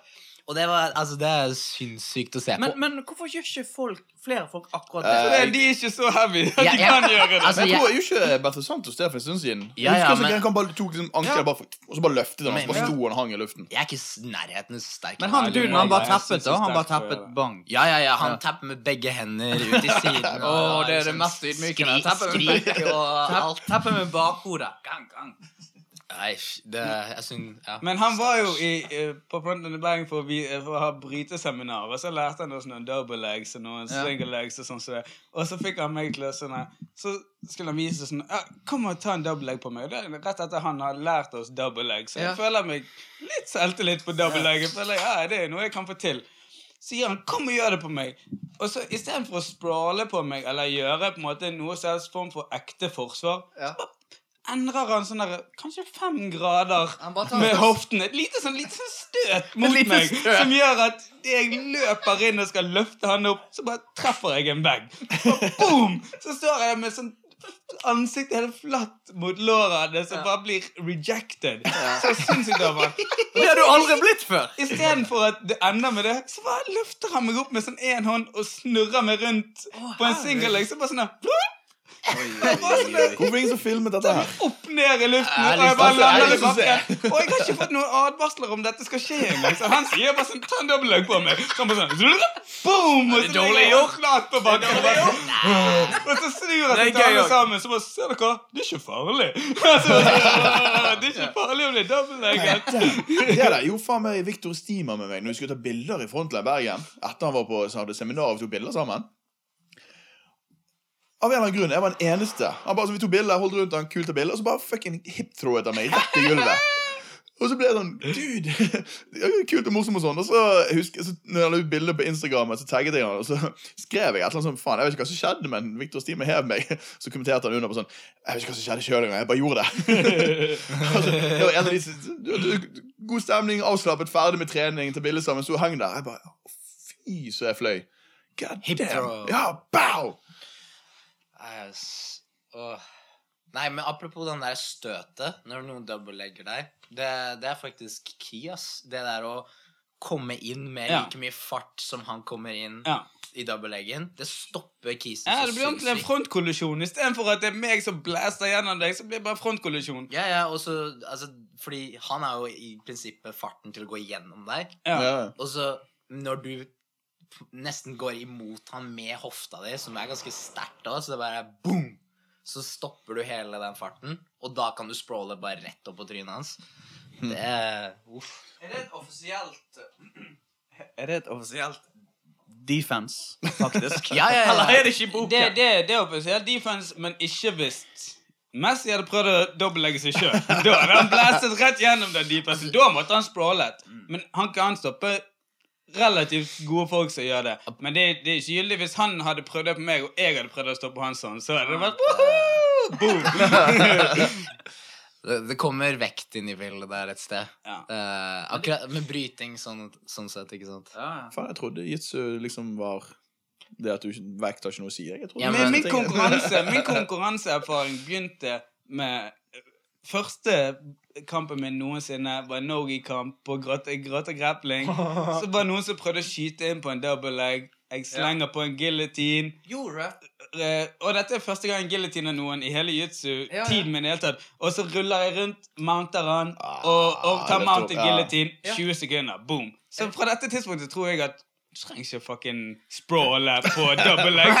Du kan bare guillotine. Hvis noen prøver å s- dobbeltlegge meg, så bare guillotiner jeg de. Helt til jeg traff en sånn MMA-bryter året etter på Grotta Grappling. Oh, Kommer han inn, prøver å dobbeltlegge meg. Jeg prøver å guillotine, men bare flyr inn på matten. oh. Nesten matten ved siden av og lander på ryggen. Ja, han kunne dobbeltlegge, han Ja, var en brytekis. Han bare blåste rett gjennom guillotinen min, puttet meg på ryggen, og jeg mast pusten. Ja. Men vet du hva, giljotin, jeg har lyst til å snakke litt om det, faktisk. Fordi at Det er så rart. Det er, like, det er den mest miserable posisjonen. Altså, når noen slenger på en Hvis de vet hva de gjør, så er det et så grusomt sted å være. Ja, Jeg vet Det finnes, det finnes gelatiner som er gode å være i. Du må litt nærmere meg. Ja, altså Ja. Nei, det er jo Selv om du spiser. Det går bra. Null stress. Terskelen bare altså, altså, det, er jo, det er jo noe vi kan ta opp. Sånn, hva er den verste eh, submission å være i, da? Altså, giljotin, og noen vet hva de gjør. Hallo? Nei, nei, for giljotin en, Den der en, Bare en hod, head-in-giljotin okay. der du får bicepsen og underarmen Ja. på hver sin side, den er jo helt fin å være i. Ja. Han, han cranker kanskje bitte litt på nakken, men det Ja. Kutter av blodet, du må teppe. Det er én ting. Men den der giljotin, spisseste del av, eh, av underarmen din midt i adamseplet, Ja. løfter deg opp. Stående giljotin løfter deg opp der. Den er en bitch å være i. Men, men jeg syntes likevel ikke For den blir, den blir sånn Den blir liksom sånn der på adamseplet. Sånn litt choket. De verste giljotinene å være i, det er arm in når du bare neck-cranker. Sånn at det er kanskje Ja. 10 5% choke, men resten neck-crank. For de venter jeg altfor lenge med å teppe på. Sånn at au, au, au, Og så tepper jeg altfor seint. Så går jeg ut i to uker og har vondt i nakken. Det tok, meg, eh, det tok meg å reise til Oslo for å finne ut av den absolutt verste submission jeg eh, vet om å være i. Okay. Det var eh, Lille Emir. oh, ja. Lille. Emir. Han har ut som en standup-komiker. Shout-out til eh, Emir. Eh, jævel. Storebror. Han, eh, han er legende. Ja, Lille Emir. Ja, det- Ja, hva skjedde? Lille er jo i apostrof. Han er jo Ja, han er han, han er ca. like tung som meg, men ser to, dobbelt så stor ut. Har jobbet som NSB-kontrollør, by the way. Oh my god. Det er tøff jobb. Nei, altså, Hadde jeg vært på toget da, så hadde jeg løpt. Hva var det han gjorde med deg? Nei, men se, så, så, tingen er at jeg har jo Jeg vet ikke om jeg trente med han før. Han har vært i Bergen en del ganger, og på Voss, og trent med Jason og oss i Bergen. Ja. litt sånn.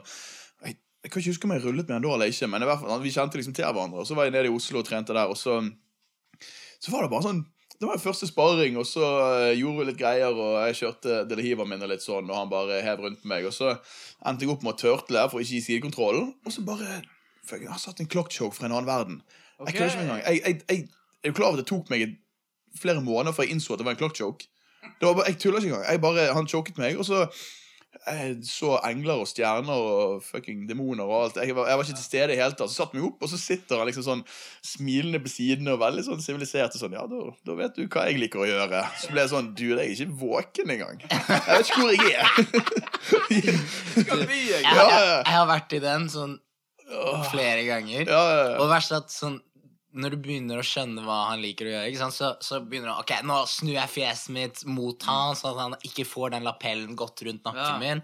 Men selv da, med 100 kilo bak på ryggen din, og han presser ned inn i denne lapellen det, er, det er så jævlig. Det er så Det er jævlig.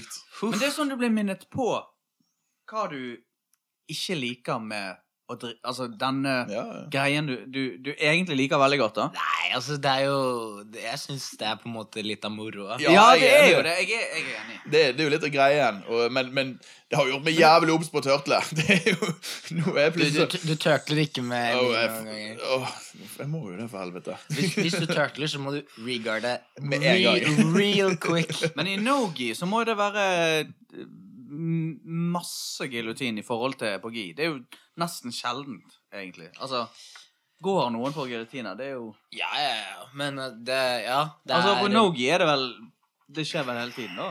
Nogi skjer det mer, fordi uh, Man får henda mye mer lettere igjennom, ikke sant? Ja, ja. Ingen lapeller i veien.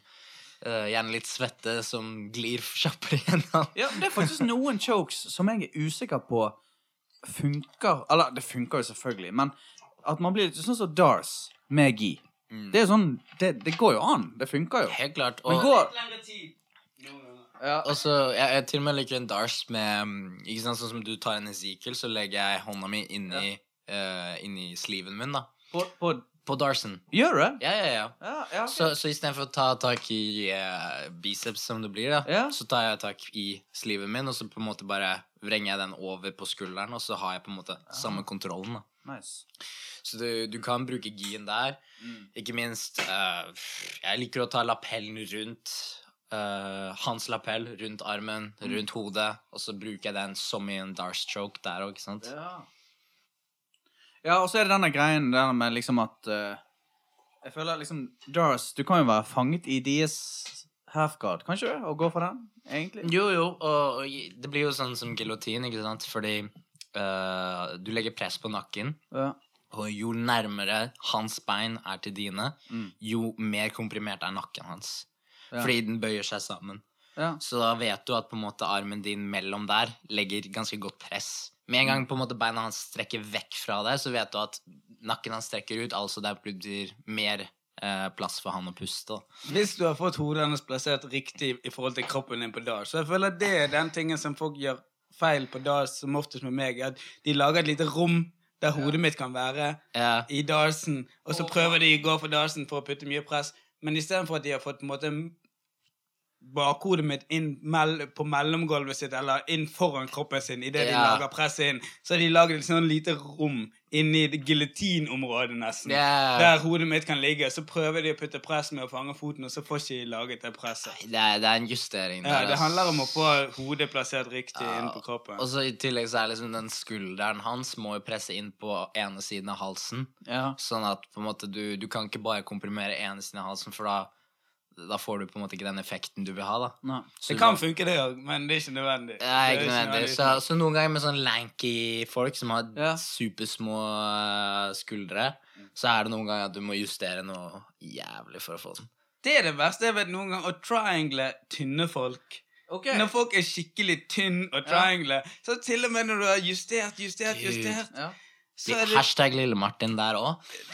Han er umulig å choke. Det er helt sykt. Og verst er at liksom når du har den tidenes sånn color choke fra ryggen, Ja. så er han blå, gul, lilla og Nei, ingen tap. Det er noen folk trenger 0% oksygen i hjernen for å leve. Du kan choke dem de så mye du vil, men bare hjernen trenger ikke mer. Mattefilosof. Kan, kan jeg spørre om en ting? Det er en ting jeg ikke vet noen ting om, og det er neck crank. Nigger, Eh, yeah. ja.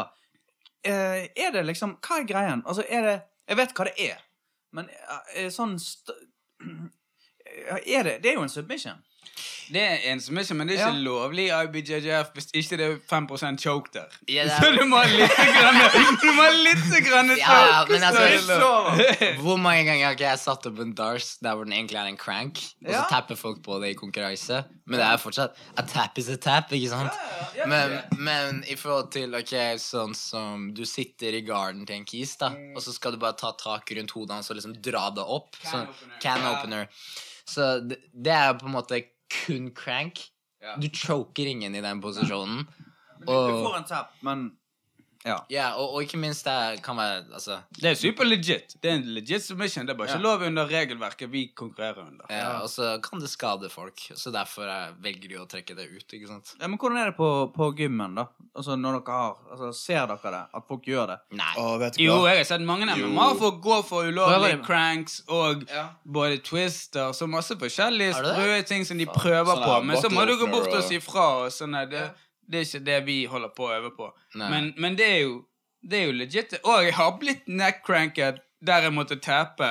For det, jeg, jeg, visste, jeg visste ikke om can opener. Jeg visste ikke at det var en effektiv ting. Helt til Glenn Hugo kom og dro hodet mitt ut av driten min. Så måtte jeg bare Håper han tape. hører på. Og jeg ble Med en gang etter det hadde skjedd, så skjønte jo jeg enkelt hva jeg kunne gjort for å forsvare det. Mm. Men det var jo for seint. Kan ikke lære det.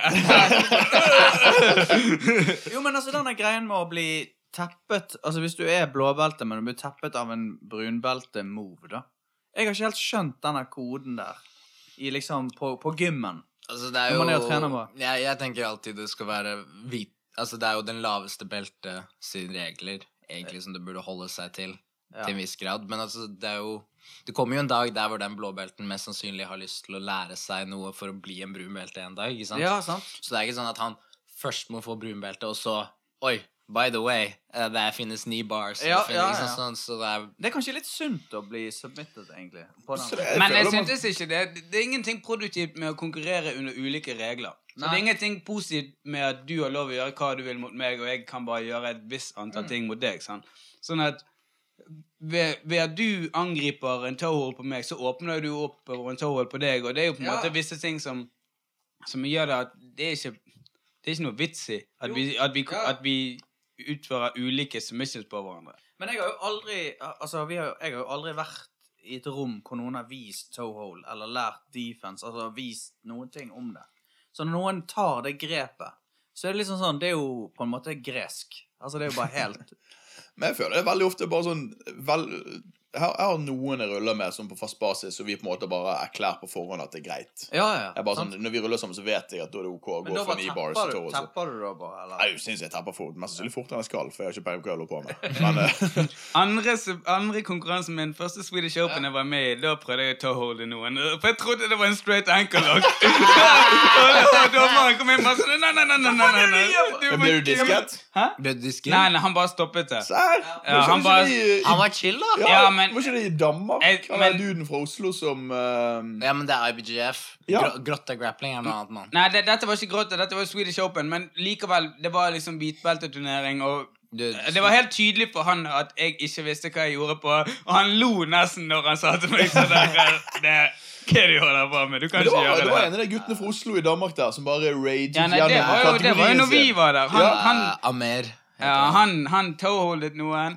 Og han Kisen han, han Kisen vant eh, sin divisjon fordi at i kampen før det så ble han heelhocket, og så ble han Kisen som heelhocket han disket. Og så kom han mot han fra frontland, så tålte han han, og så ble han disket! Så derfor vant han gull på dobbel disking!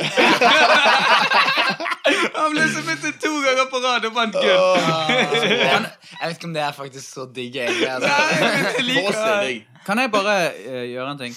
Jeg lurte på om vi bare kunne nå eh, trykke på save på datamaskinen, og så stopper vi den.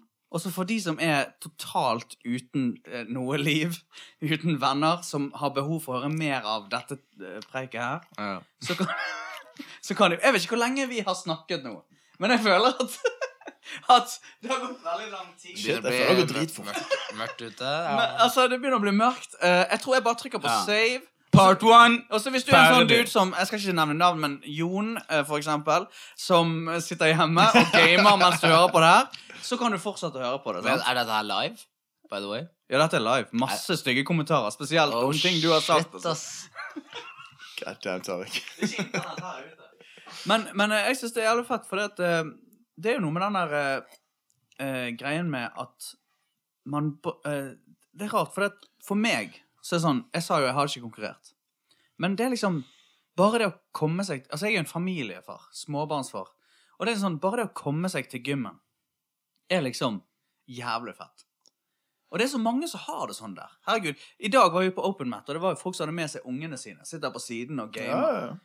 Det er, det er jævlig fett å se. Altså, vi har jo folk som har faen meg eh, stressa noe helt sinnssykt for å få kabal til å gå opp. Jeg føler at mye av, eh, mye av, eh, av den måten vi eh, er rundt hverandre på gymmen òg, erstatter mye annet sosialt samvær. Ja. Uten at noen ganger vi sier et ord til hverandre. Noen ganger så treffer du på noen som du, du har kjent i fire år, Ja. men hele den dagen du har truffet dem, så, så har ikke, du, har ikke, du har ikke hilst på dem. Du har sagt sånn Hei, hva det går, går det bra? Og så bare prøver du å kvele hverandre. Og så sier du takk for ølen, så går du hver for hvert deres. Men likevel har dere hatt på en måte en skikkelig sosial ting sammen. Men det er som en fylla. ja, dere er har liksom knyttet sammen og gjort Som gjør det sammen. utrolig vanskelig å forsvare til andre folk som ikke vet hva vi holder på med. Ja. Jeg var på trening igjen. Jeg var sånn, God damn, jeg var med vennene mine. Jeg skulle bare finne fotskammel til å se på her bak. Oh, shit. Nå, nå må du roe deg litt ned her. Jeg føler litt som jeg jobber for en slags sånn altså oh, oh, oi. Tusen, tusen Sorry, sorry. Jeg skal trekke Nei, mot meg. Jeg skal tross alt Jeg bare påpeker at dette er et latterlig chill studio. Ja, Det er jo en latterlig chill Det var her jeg så uh, mine VHS-filmer. Hvor, dette er, hvor, hvor fra i familien var du arvet dette, liksom? jeg vokste opp i dette huset. her. Du gjorde Dette det, er ja? hjemmet, familiehjemmet. Ah, kult, Ja, ja, ja. kult, skikkelig kult. Fett, fett. Men altså eh, Jeg vet ikke jeg om hvor stolt mine foreldre er av at jeg har gjort det om til en bule der jeg inviterer disse menneskene her. Men det er far jeg liksom. Nei da, men det er fint, det, altså. Hva var det vi snakket om før vi sklei ut? Um, Før du sa på pause? Nei, nei, nei. nei, før uh, Ja, save, mener jeg. Før vi gikk på hus, uh, huset hans. husarbeid uh, I don't know. Nei, jeg vet ikke. Ok, men eh, um, Du påpekte noe tidligere i dag som var sånn greie vi snakket om òg. Liksom, hva er den kjipeste posisjonen Ja. å være i i jitsu? For det synes jeg det er en ganske subjektiv greie. Jo, men altså, det kjipeste Det kan være så mye, sant? For at du kan være Altså, f- det kan være en posisjon, faktisk, sånn som en giljotin eller sånn. Men det kan òg være det å Det verste jeg vet, det er å bli skuffet over meg sjøl mens folk jeg kjenner godt på gymmen, ser på. Kjenner du? Ah, ja. Prestasjonsangst. Ja Nei, men det er samtidig Det er bare ja, jeg liksom, skjønner hva du mener. Det er bare liksom Hvorfor gjør du ikke den teknikken som du har lært, på en måte? Altså, hvorfor gjør du ikke det? Men alle har jo opp- og neddager. Du kan altså Noen dager så føler jeg at en keys er superlett å ha med å gjøre. Ikke sant? Jeg passerer garnet hans altfor lett. Og så prøver jeg bare å tenke sånn Ok, enten så var det virkelig min dag, eller så var det ikke hans dag. For å si det Ja. sånn, ikke sant? Og det, er- det er jo litt sånn. Og det her er tingen Nå snakker Tariq om meg, for at han passerer alltid garden min. og det, det du sier med kjipe posisjoner Ja. Jeg hater å tørtle med Tariq. Hvis jeg må tørtle og Tariq sitter oppå meg. Det er det verste jeg vet i hele verden. Hvis jeg turtler med de fleste andre, så er jeg Det er jo fortsatt ikke bra, men sant? Jeg, jeg har i hvert fall et snev av selvtillit når jeg gjør det. Mens med Tariq så er det helt umulig. Så jeg husker vi snakket om for en stund siden hvor jeg, han tvinger meg til å tørtle hele tiden. Jeg fucking kan ikke få dra det. Og så, når jeg ligger der, så prøver jeg å riste han av meg, og så ender jeg bare opp med at uansett hvilken vei jeg går, eller hva jeg gjør, så bare er han der. Og så går jeg tilbake, og så ruller jeg over igjen, så er han der. Og så går jeg tilbake. Men det som Jeg skjedde, har jo var jobbet mye med det. da. ja, og det, det som skjedde da, det var at jeg har bare liksom mistet all tillit i noe som helst hvis jeg noen gang må ligge i en turtle igjen. Helt til Uh, jeg måtte tørtle mot en, en eller annen dude, en blåbelte. Uh, og så eh, Det var ikke meg. Sikkert Obama. Og så, og, så, og, så, eh, og så plutselig innså jeg at Shit, han her kan jeg faktisk riste av meg! så for Nå har jeg liksom satt opp tempoet så masse over så lang tid med Tariq når jeg må tørtle. Altså liksom, hæ, hæ, hæ, side, side, side, frem og tilbake, posisjon, og så plutselig så klarer jeg å liksom komme opp og gripe en ankel her og sånt. Ja. Og så bare Oh shit, det er jo håp. Jeg har liksom basert dette her på å gå med bare sånn, Det er jo bare døden sjøl. Men det å tørtle, er det et lite nederlag? Det er ikke det er ikke et nederlag hvis du regainer garden din. Det er bare Ja. nederlag hvis du sitter fast der og blir Ja. stående med ræven opp i luften, liksom. Det vil du ikke. Det er noen som liker det. Hvis du klarer å få garden din tilbake igjen, så, er det, Vi- så har du vunnet. Vi, vi har en keys i ikke doggystyle, da har du tapt. Apropos det eh, Turtle var jo en guard før. I en periode. Ja, ja, ja. Regelverket. Ja, i regelverket. Mm. Og så, blant annet så har vi en fyr i Oslo da Som, altså garden hans er Turtle. Du, du, du, Han vil til Turtle. Og så vil han at du skal gi han en klem Sånn at han kan ta tak i en av armene dine Og så riste deg over Eller dra deg til siden og rulle. Men Det du, var det eneste han gjorde men du gir jo han ikke den klemmen på den måten. da. Jo da, for det du vet at det er akkurat det du òg vil ha. Ja, Det er akkurat det du vil. det er akkurat det Han, du vil, han vet at det han, det han vil, men, Men- men du vet òg at det er det Ja, du ja, vil. men Du må jo være du lar litt mer ikke sweepe. Nei, nei, men du må jo være litt sånn Ok, Ja. du må approache litt mer uh, forsiktig, Ja, ja. da. Så du, du blir jo litt sånn at du, du stikker armen inn, men ikke for dypt inn. Hele tiden. Det er jo gøy, et er sånn slothgarden, som han. Slåssgarden. Hva er det han heter? Han eh, Sebastian Brosje? Nei, han, han, han som kjører Slåssgarden. Han, han, han, ligger, han ligger seg basically i side control og lar deg bare gå og ta side control. Nei, hva faen.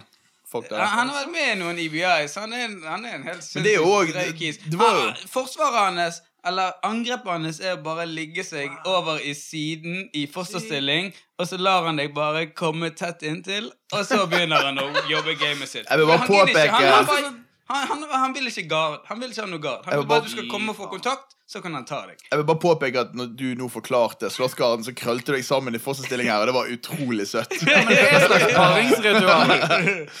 Men, men folk lager jo games ut av det. Det var jo en eller annen EBI for et par år siden hvor han eh, Eduardo Telles liksom Det var Eduardo Telles jeg snakket om. ja, ok, ok, for han, han gikk jo ut og sa liksom det der at Uh, jeg skal konkurrere i IBI sånn og sånn. Jeg kommer til å tørtle. Jeg skal, han sa basically jeg kommer til å ståle med vei til seier. Det han er preget om. Ja, ja. Det er han som er helt Det er latterlig. Han bare Han uh, turtlet med hele driten, og så til det gikk til overtid, og så er det sånn posisjon du kan velge mellom to posisjoner og må submitte Ja. derfra, sant, og tidsbelagt og sånn og sånn. Han, han, han vant jo ikke, men han kom relativt langt på å turtle. Ja, men du har jo eh, I MMA så er det iallfall en eller annen dude som Han blir tatt i Hva heter det? Du blir liksom Crucifix. Ja, og så tar han salto bak. Det høres ikke bra ut. Å ja, sånn. Ja. Nei, det, det er en kar som gjør det hele tiden. Han Michael Chandler. Han, han strike Nei, Bellator, uh, Ja, lightweight-champion. Han, Han pleide å gjøre det. Han pleide å la folk crucifixe han. Og så når de crucifixer han, så tar han en backroll, Yes. sånn at han ender opp i sånn mount eller side Side. på Ja, ja, ja. siden. Men det virker skummelt. Ja, det er risky business, men det funker jo. Og så funker det hele tiden, helt til den gangen det ikke funker. Ja. Og da. Sånn er det ofte med ting i jiu-jitsu, at du lærer deg til sånn dårlige vaner. Så jeg hadde ofte en sånn greie i, i jiu-jitsu at hvis folk først hadde kommet passet guard med og så lot jeg de begynne å jobbe på venstrearmen. For hvis jeg har en fleksibel skulder, jeg jeg er god på å strekke den ut, så kan jeg fange foten deres. Så kan jeg dra Ja. den tilbake i halfguard, og så kan jeg begynne å jobbe og gjøre spillet mitt. Så jeg bare lot de få første del av Kimura-grepet. Kanskje til og med lot de låse inn andre del av Kimura-grepet. Og så begynte jeg å bare jobbe tilbake. Nå, det funket så faen. For Ja. så lenge jeg ikke lot vinkel bli for drøy, så kunne de aldri ikke mura meg. Nei, nei, nei. Og jeg kunne alltid presse han ut. Og så når de til slutt skjønte sånn, å, nå har han fanget foten min, å, nå har han fanget andre foten, nå er jeg på vei tilbake, Ja. i så slapp jo de. Og så sluttet de med det. Ja, og så, funket så kommer. Tariq. Men og så hvorfor- Ja, Kimura. Partypooper! Det, var bare en av de, men, men du, du ligger til deg sånne vaner i jiu-jitsu. For det, det er mange regler i jiu-jitsu, men det er jo ikke regler. Det er bare retningslinjer. Det er bare ting som er riktig å gjøre, som oftest. Mm. Men ofte så kan du lure deg helt rundt de reglene. Ofte Ja. så kan du bare gjøre ting som ingen folk forventer at du skal gjøre, og så er det riktig. Fordi at det funker. Og alt som funker, er jo riktig. Jo, men jeg tror kanskje det der med å bli Som hvitbelte, da. Det å bli minnet på poengbiten gjør at du blir bedre. Altså, Poengsystemet gir jo folk et perspektiv på hva som er Altså hierarkiet, da, Ja. i, i posisjoner. Noe som er veldig greit sånn guidance i forhold til å lære ting. Ja. Så, så jo mer system, jo bedre for folk for å lære. Ja, der, der, har jeg, der har jeg et tema jeg har lyst til å spørre om deres tanker. Fordi en av de verste tingene jeg vet, en av de absolutt verste tingene jeg vet som gjør meg gal, er hvis vi trener med en som kan konkurrere, som er relativt fersk. Ja. Nå kommer sikkert mange til å bli fornærmet, men Og så har de en tendens til å bare sitte seg ned. Så hvis de er på topp, på en måte og de Ja. driver passer guard, og det blir litt sånn scramble, og de blir en half guard, sånn, så bare sitter de seg på ræva. Sweeper seg sjøl. Ja, de sweeper seg sjøl, så mister skjønner to poeng. Altså, De passerer garden din. Nei, de, nei, nei, nei. Nei, nei, Så, så hvis, hvis vi De holder prøver. på, og jeg, jeg, jeg prøver å passere garden din, Ja. og du fortsetter å retaine, det blir en scramble, jeg kommer Ja. ikke forbi, og sånn, og så blir det litt ubalanse, så sitter jeg meg bare ned på ræven min. Og så reiser du deg, Ja. og så får du to poeng. For du går jo fra bunn til topp. Så det blir jo en teknisk sweep. Ja, ja, ja. Og det er en sånn greie som jeg sliter så hardt med å vende av folk som er relativt ny. Og jeg vet ikke om, Er det bare, er det en latskapsgreie? For jeg gjorde det så lenge i begynnelsen, og jeg, jeg var, var er lat som faen. Så jeg, jeg liker jo jævlig godt å bare sånn ah, Kong, jeg bare sitter meg ned. Hæ? Og så, så mister jeg to poeng. Jeg, jeg føler at det, når, når de har prøvd å passere garden inn en liten stund, så skjønner de sånn Å ja. Du har det så jævlig enkelt. Du, du kan bare sitte der og, uten å gjøre noe. Og så prøver de sjøl å gjøre det. Men hver gang jeg reiser meg da, så sier jeg alltid to poeng. Ja, det går jo. Da sier jeg bare, Men det funker. Det funker. Ja, ja. Det funker Altså, jeg, har, jeg, har en sånn her- jeg har en sånn spider-sense. Jeg kødder ikke. Hvor jeg sitter og snakker med Fyvel, og så sidesynet mitt så en eller annen dude gjør det dritet der, bare sitter ned på ræva og andre Snur meg. Ah, to poeng! Der tapte Men, du! men de gjør ikke bare sånn- det. De gjør ikke bare det De griper deg i kolleren, Ja. dobbel collargrip, og så sitter de seg Sitter ned mens de drar deg er over deg. ja. Sånn at de bare sånn selvmounter seg sjøl, nesten. Jeg blir, jeg blir gal.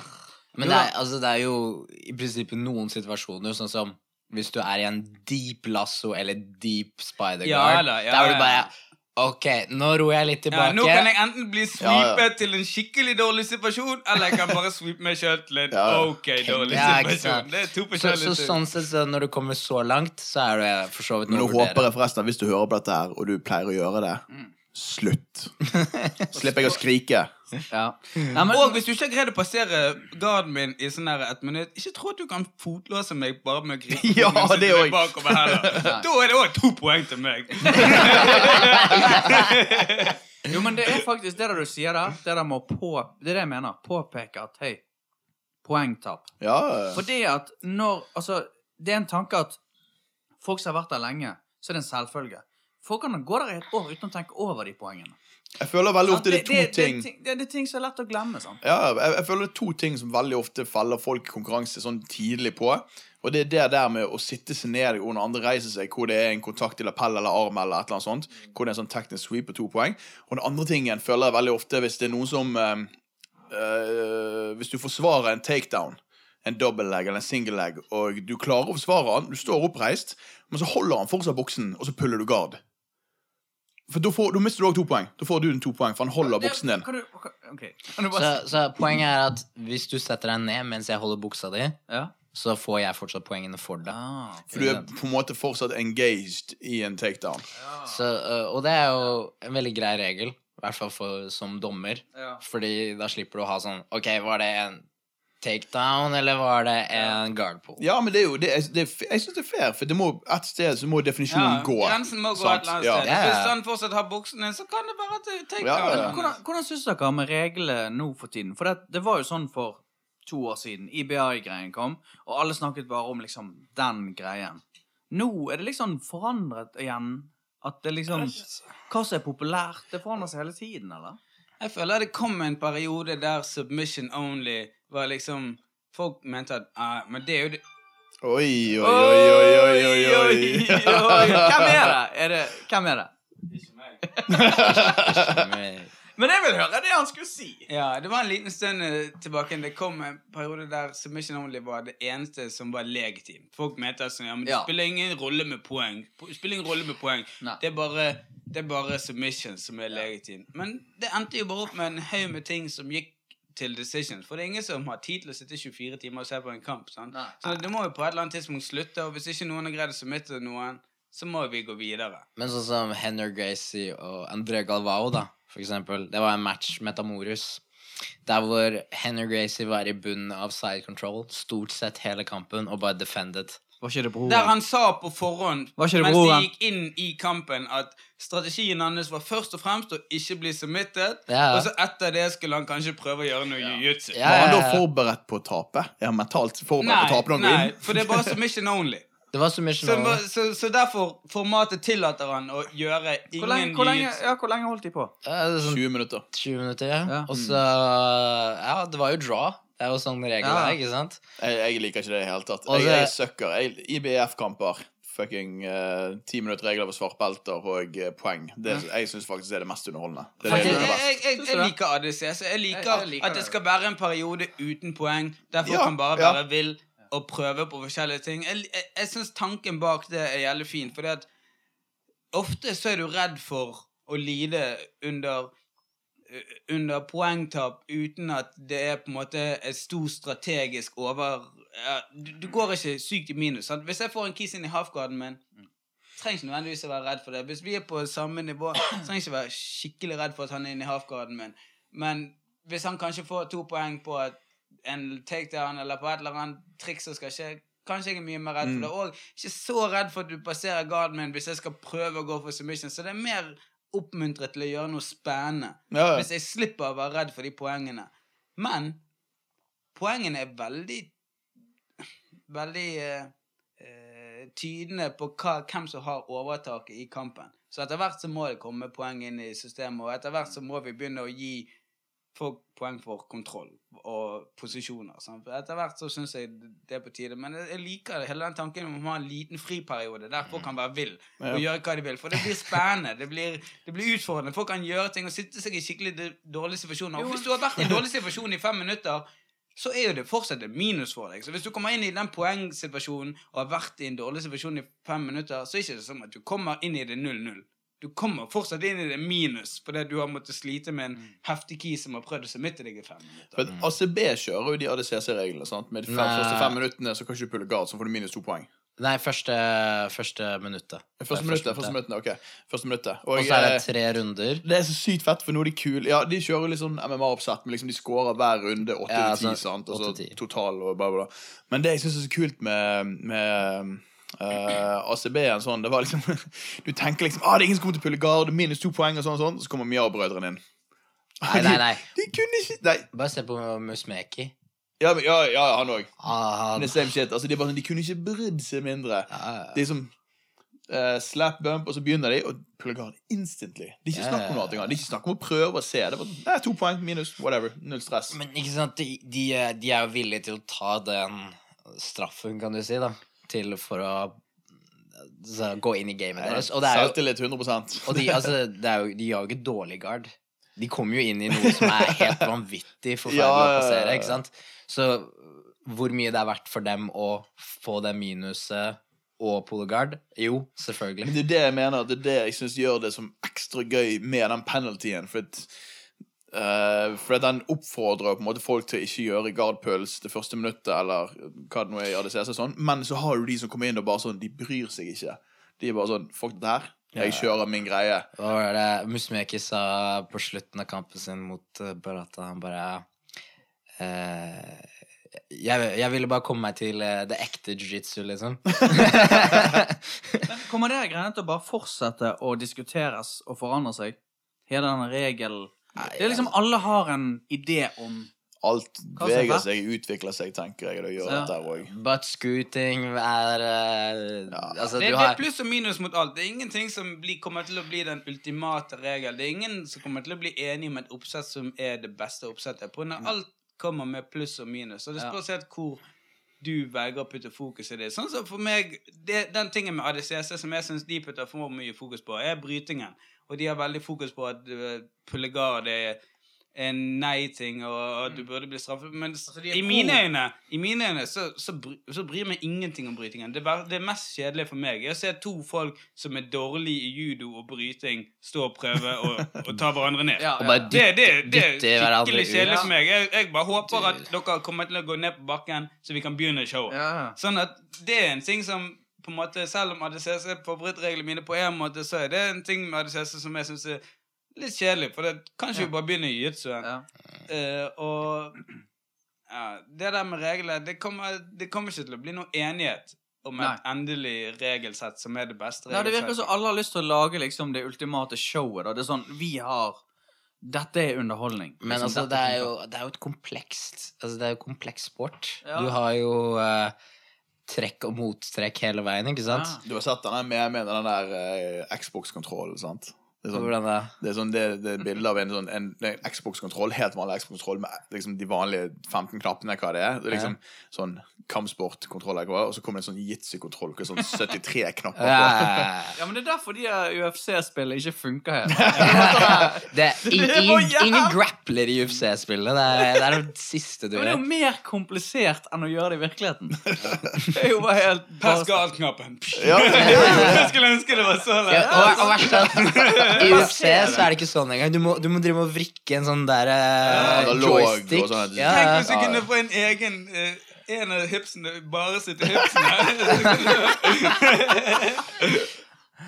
Nei, ass. Men det, er altså, hele den der eh, Det virker som hele den no-gi-gi-greien er litt død, da. Hele den debatten der er bare liksom Jeg føler den lever litt i beste velgående ennå. Det lever- det er, fortsatt, det er fortsatt en del, men jeg føler nå er folk mer komfortable med at det er to ulike sider, istedenfor at de prøver å overbevise den andre Ja. siden om hvorfor denne siden er best. mm. Så er de blitt litt mer enige om at det er to forskjellige sider som holder Ja. på med litt forskjellige ting.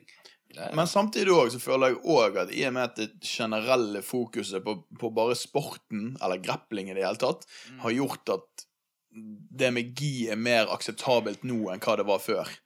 Jeg, jeg føler liksom at nå, nå er det mer OK å ha fokus på det. Sånn at du ser liksom sånn at det er noen utøvere som liksom kun har kjørt no-gi hele veien, som liksom har forstått at skal de, skal de gjøre et skikkelig merke innen brasilianske jitsu-miljøet, så må de inn i gi òg. Ja.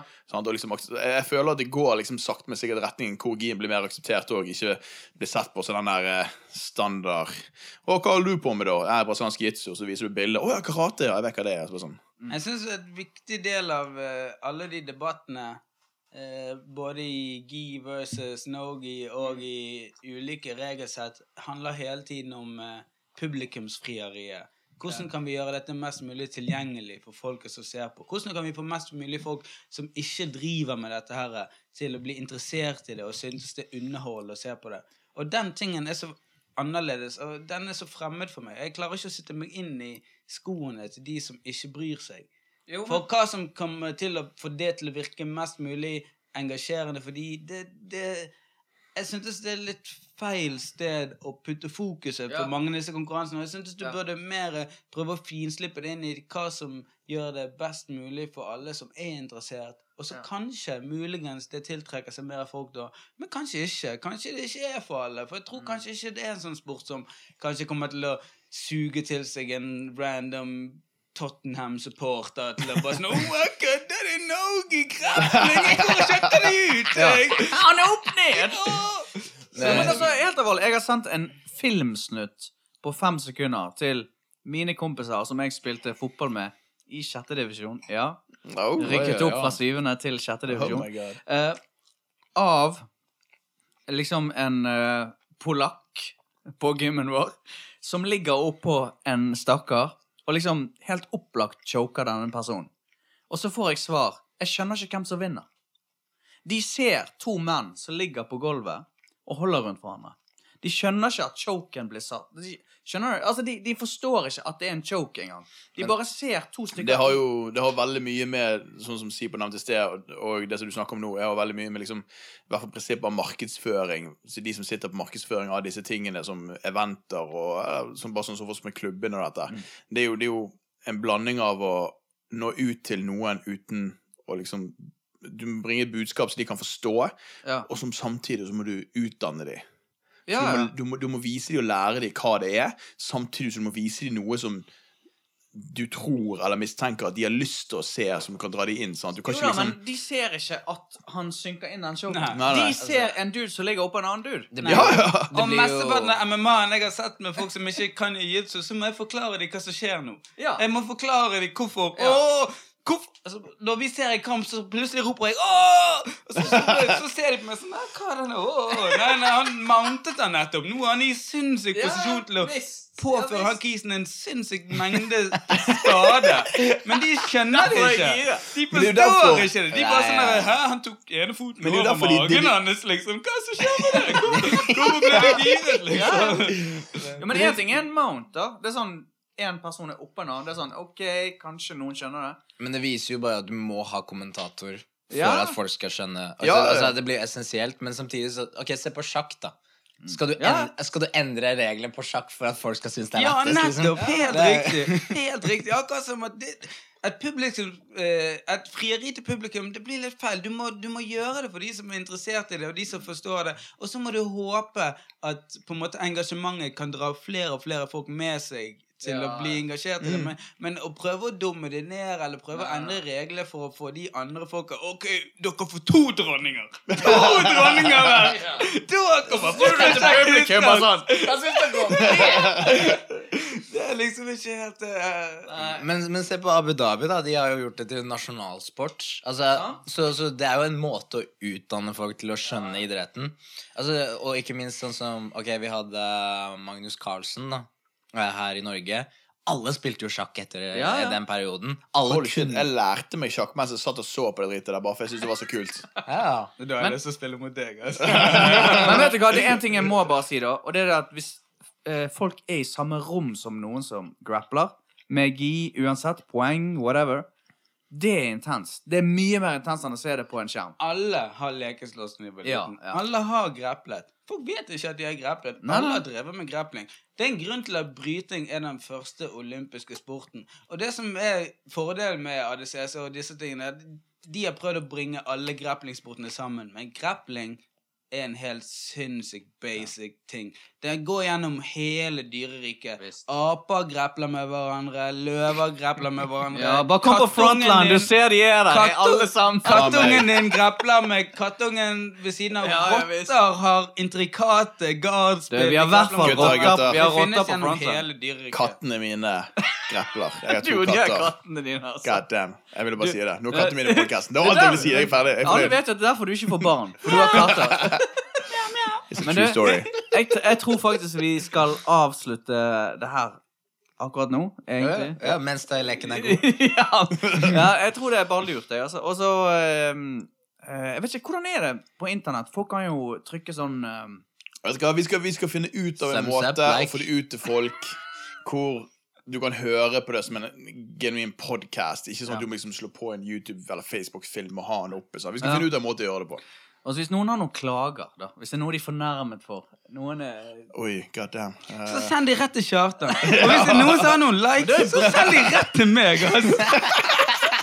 Send de i brevform til Askøy. Altså, Nei, men det er bra. Og så sier vi ha det, da. men, takk for at du inviterte oss ut. Der. Ja, Ja, tusen takk. veldig i dag, kos. Kjartan. Eh, Skål. Skål, gutter.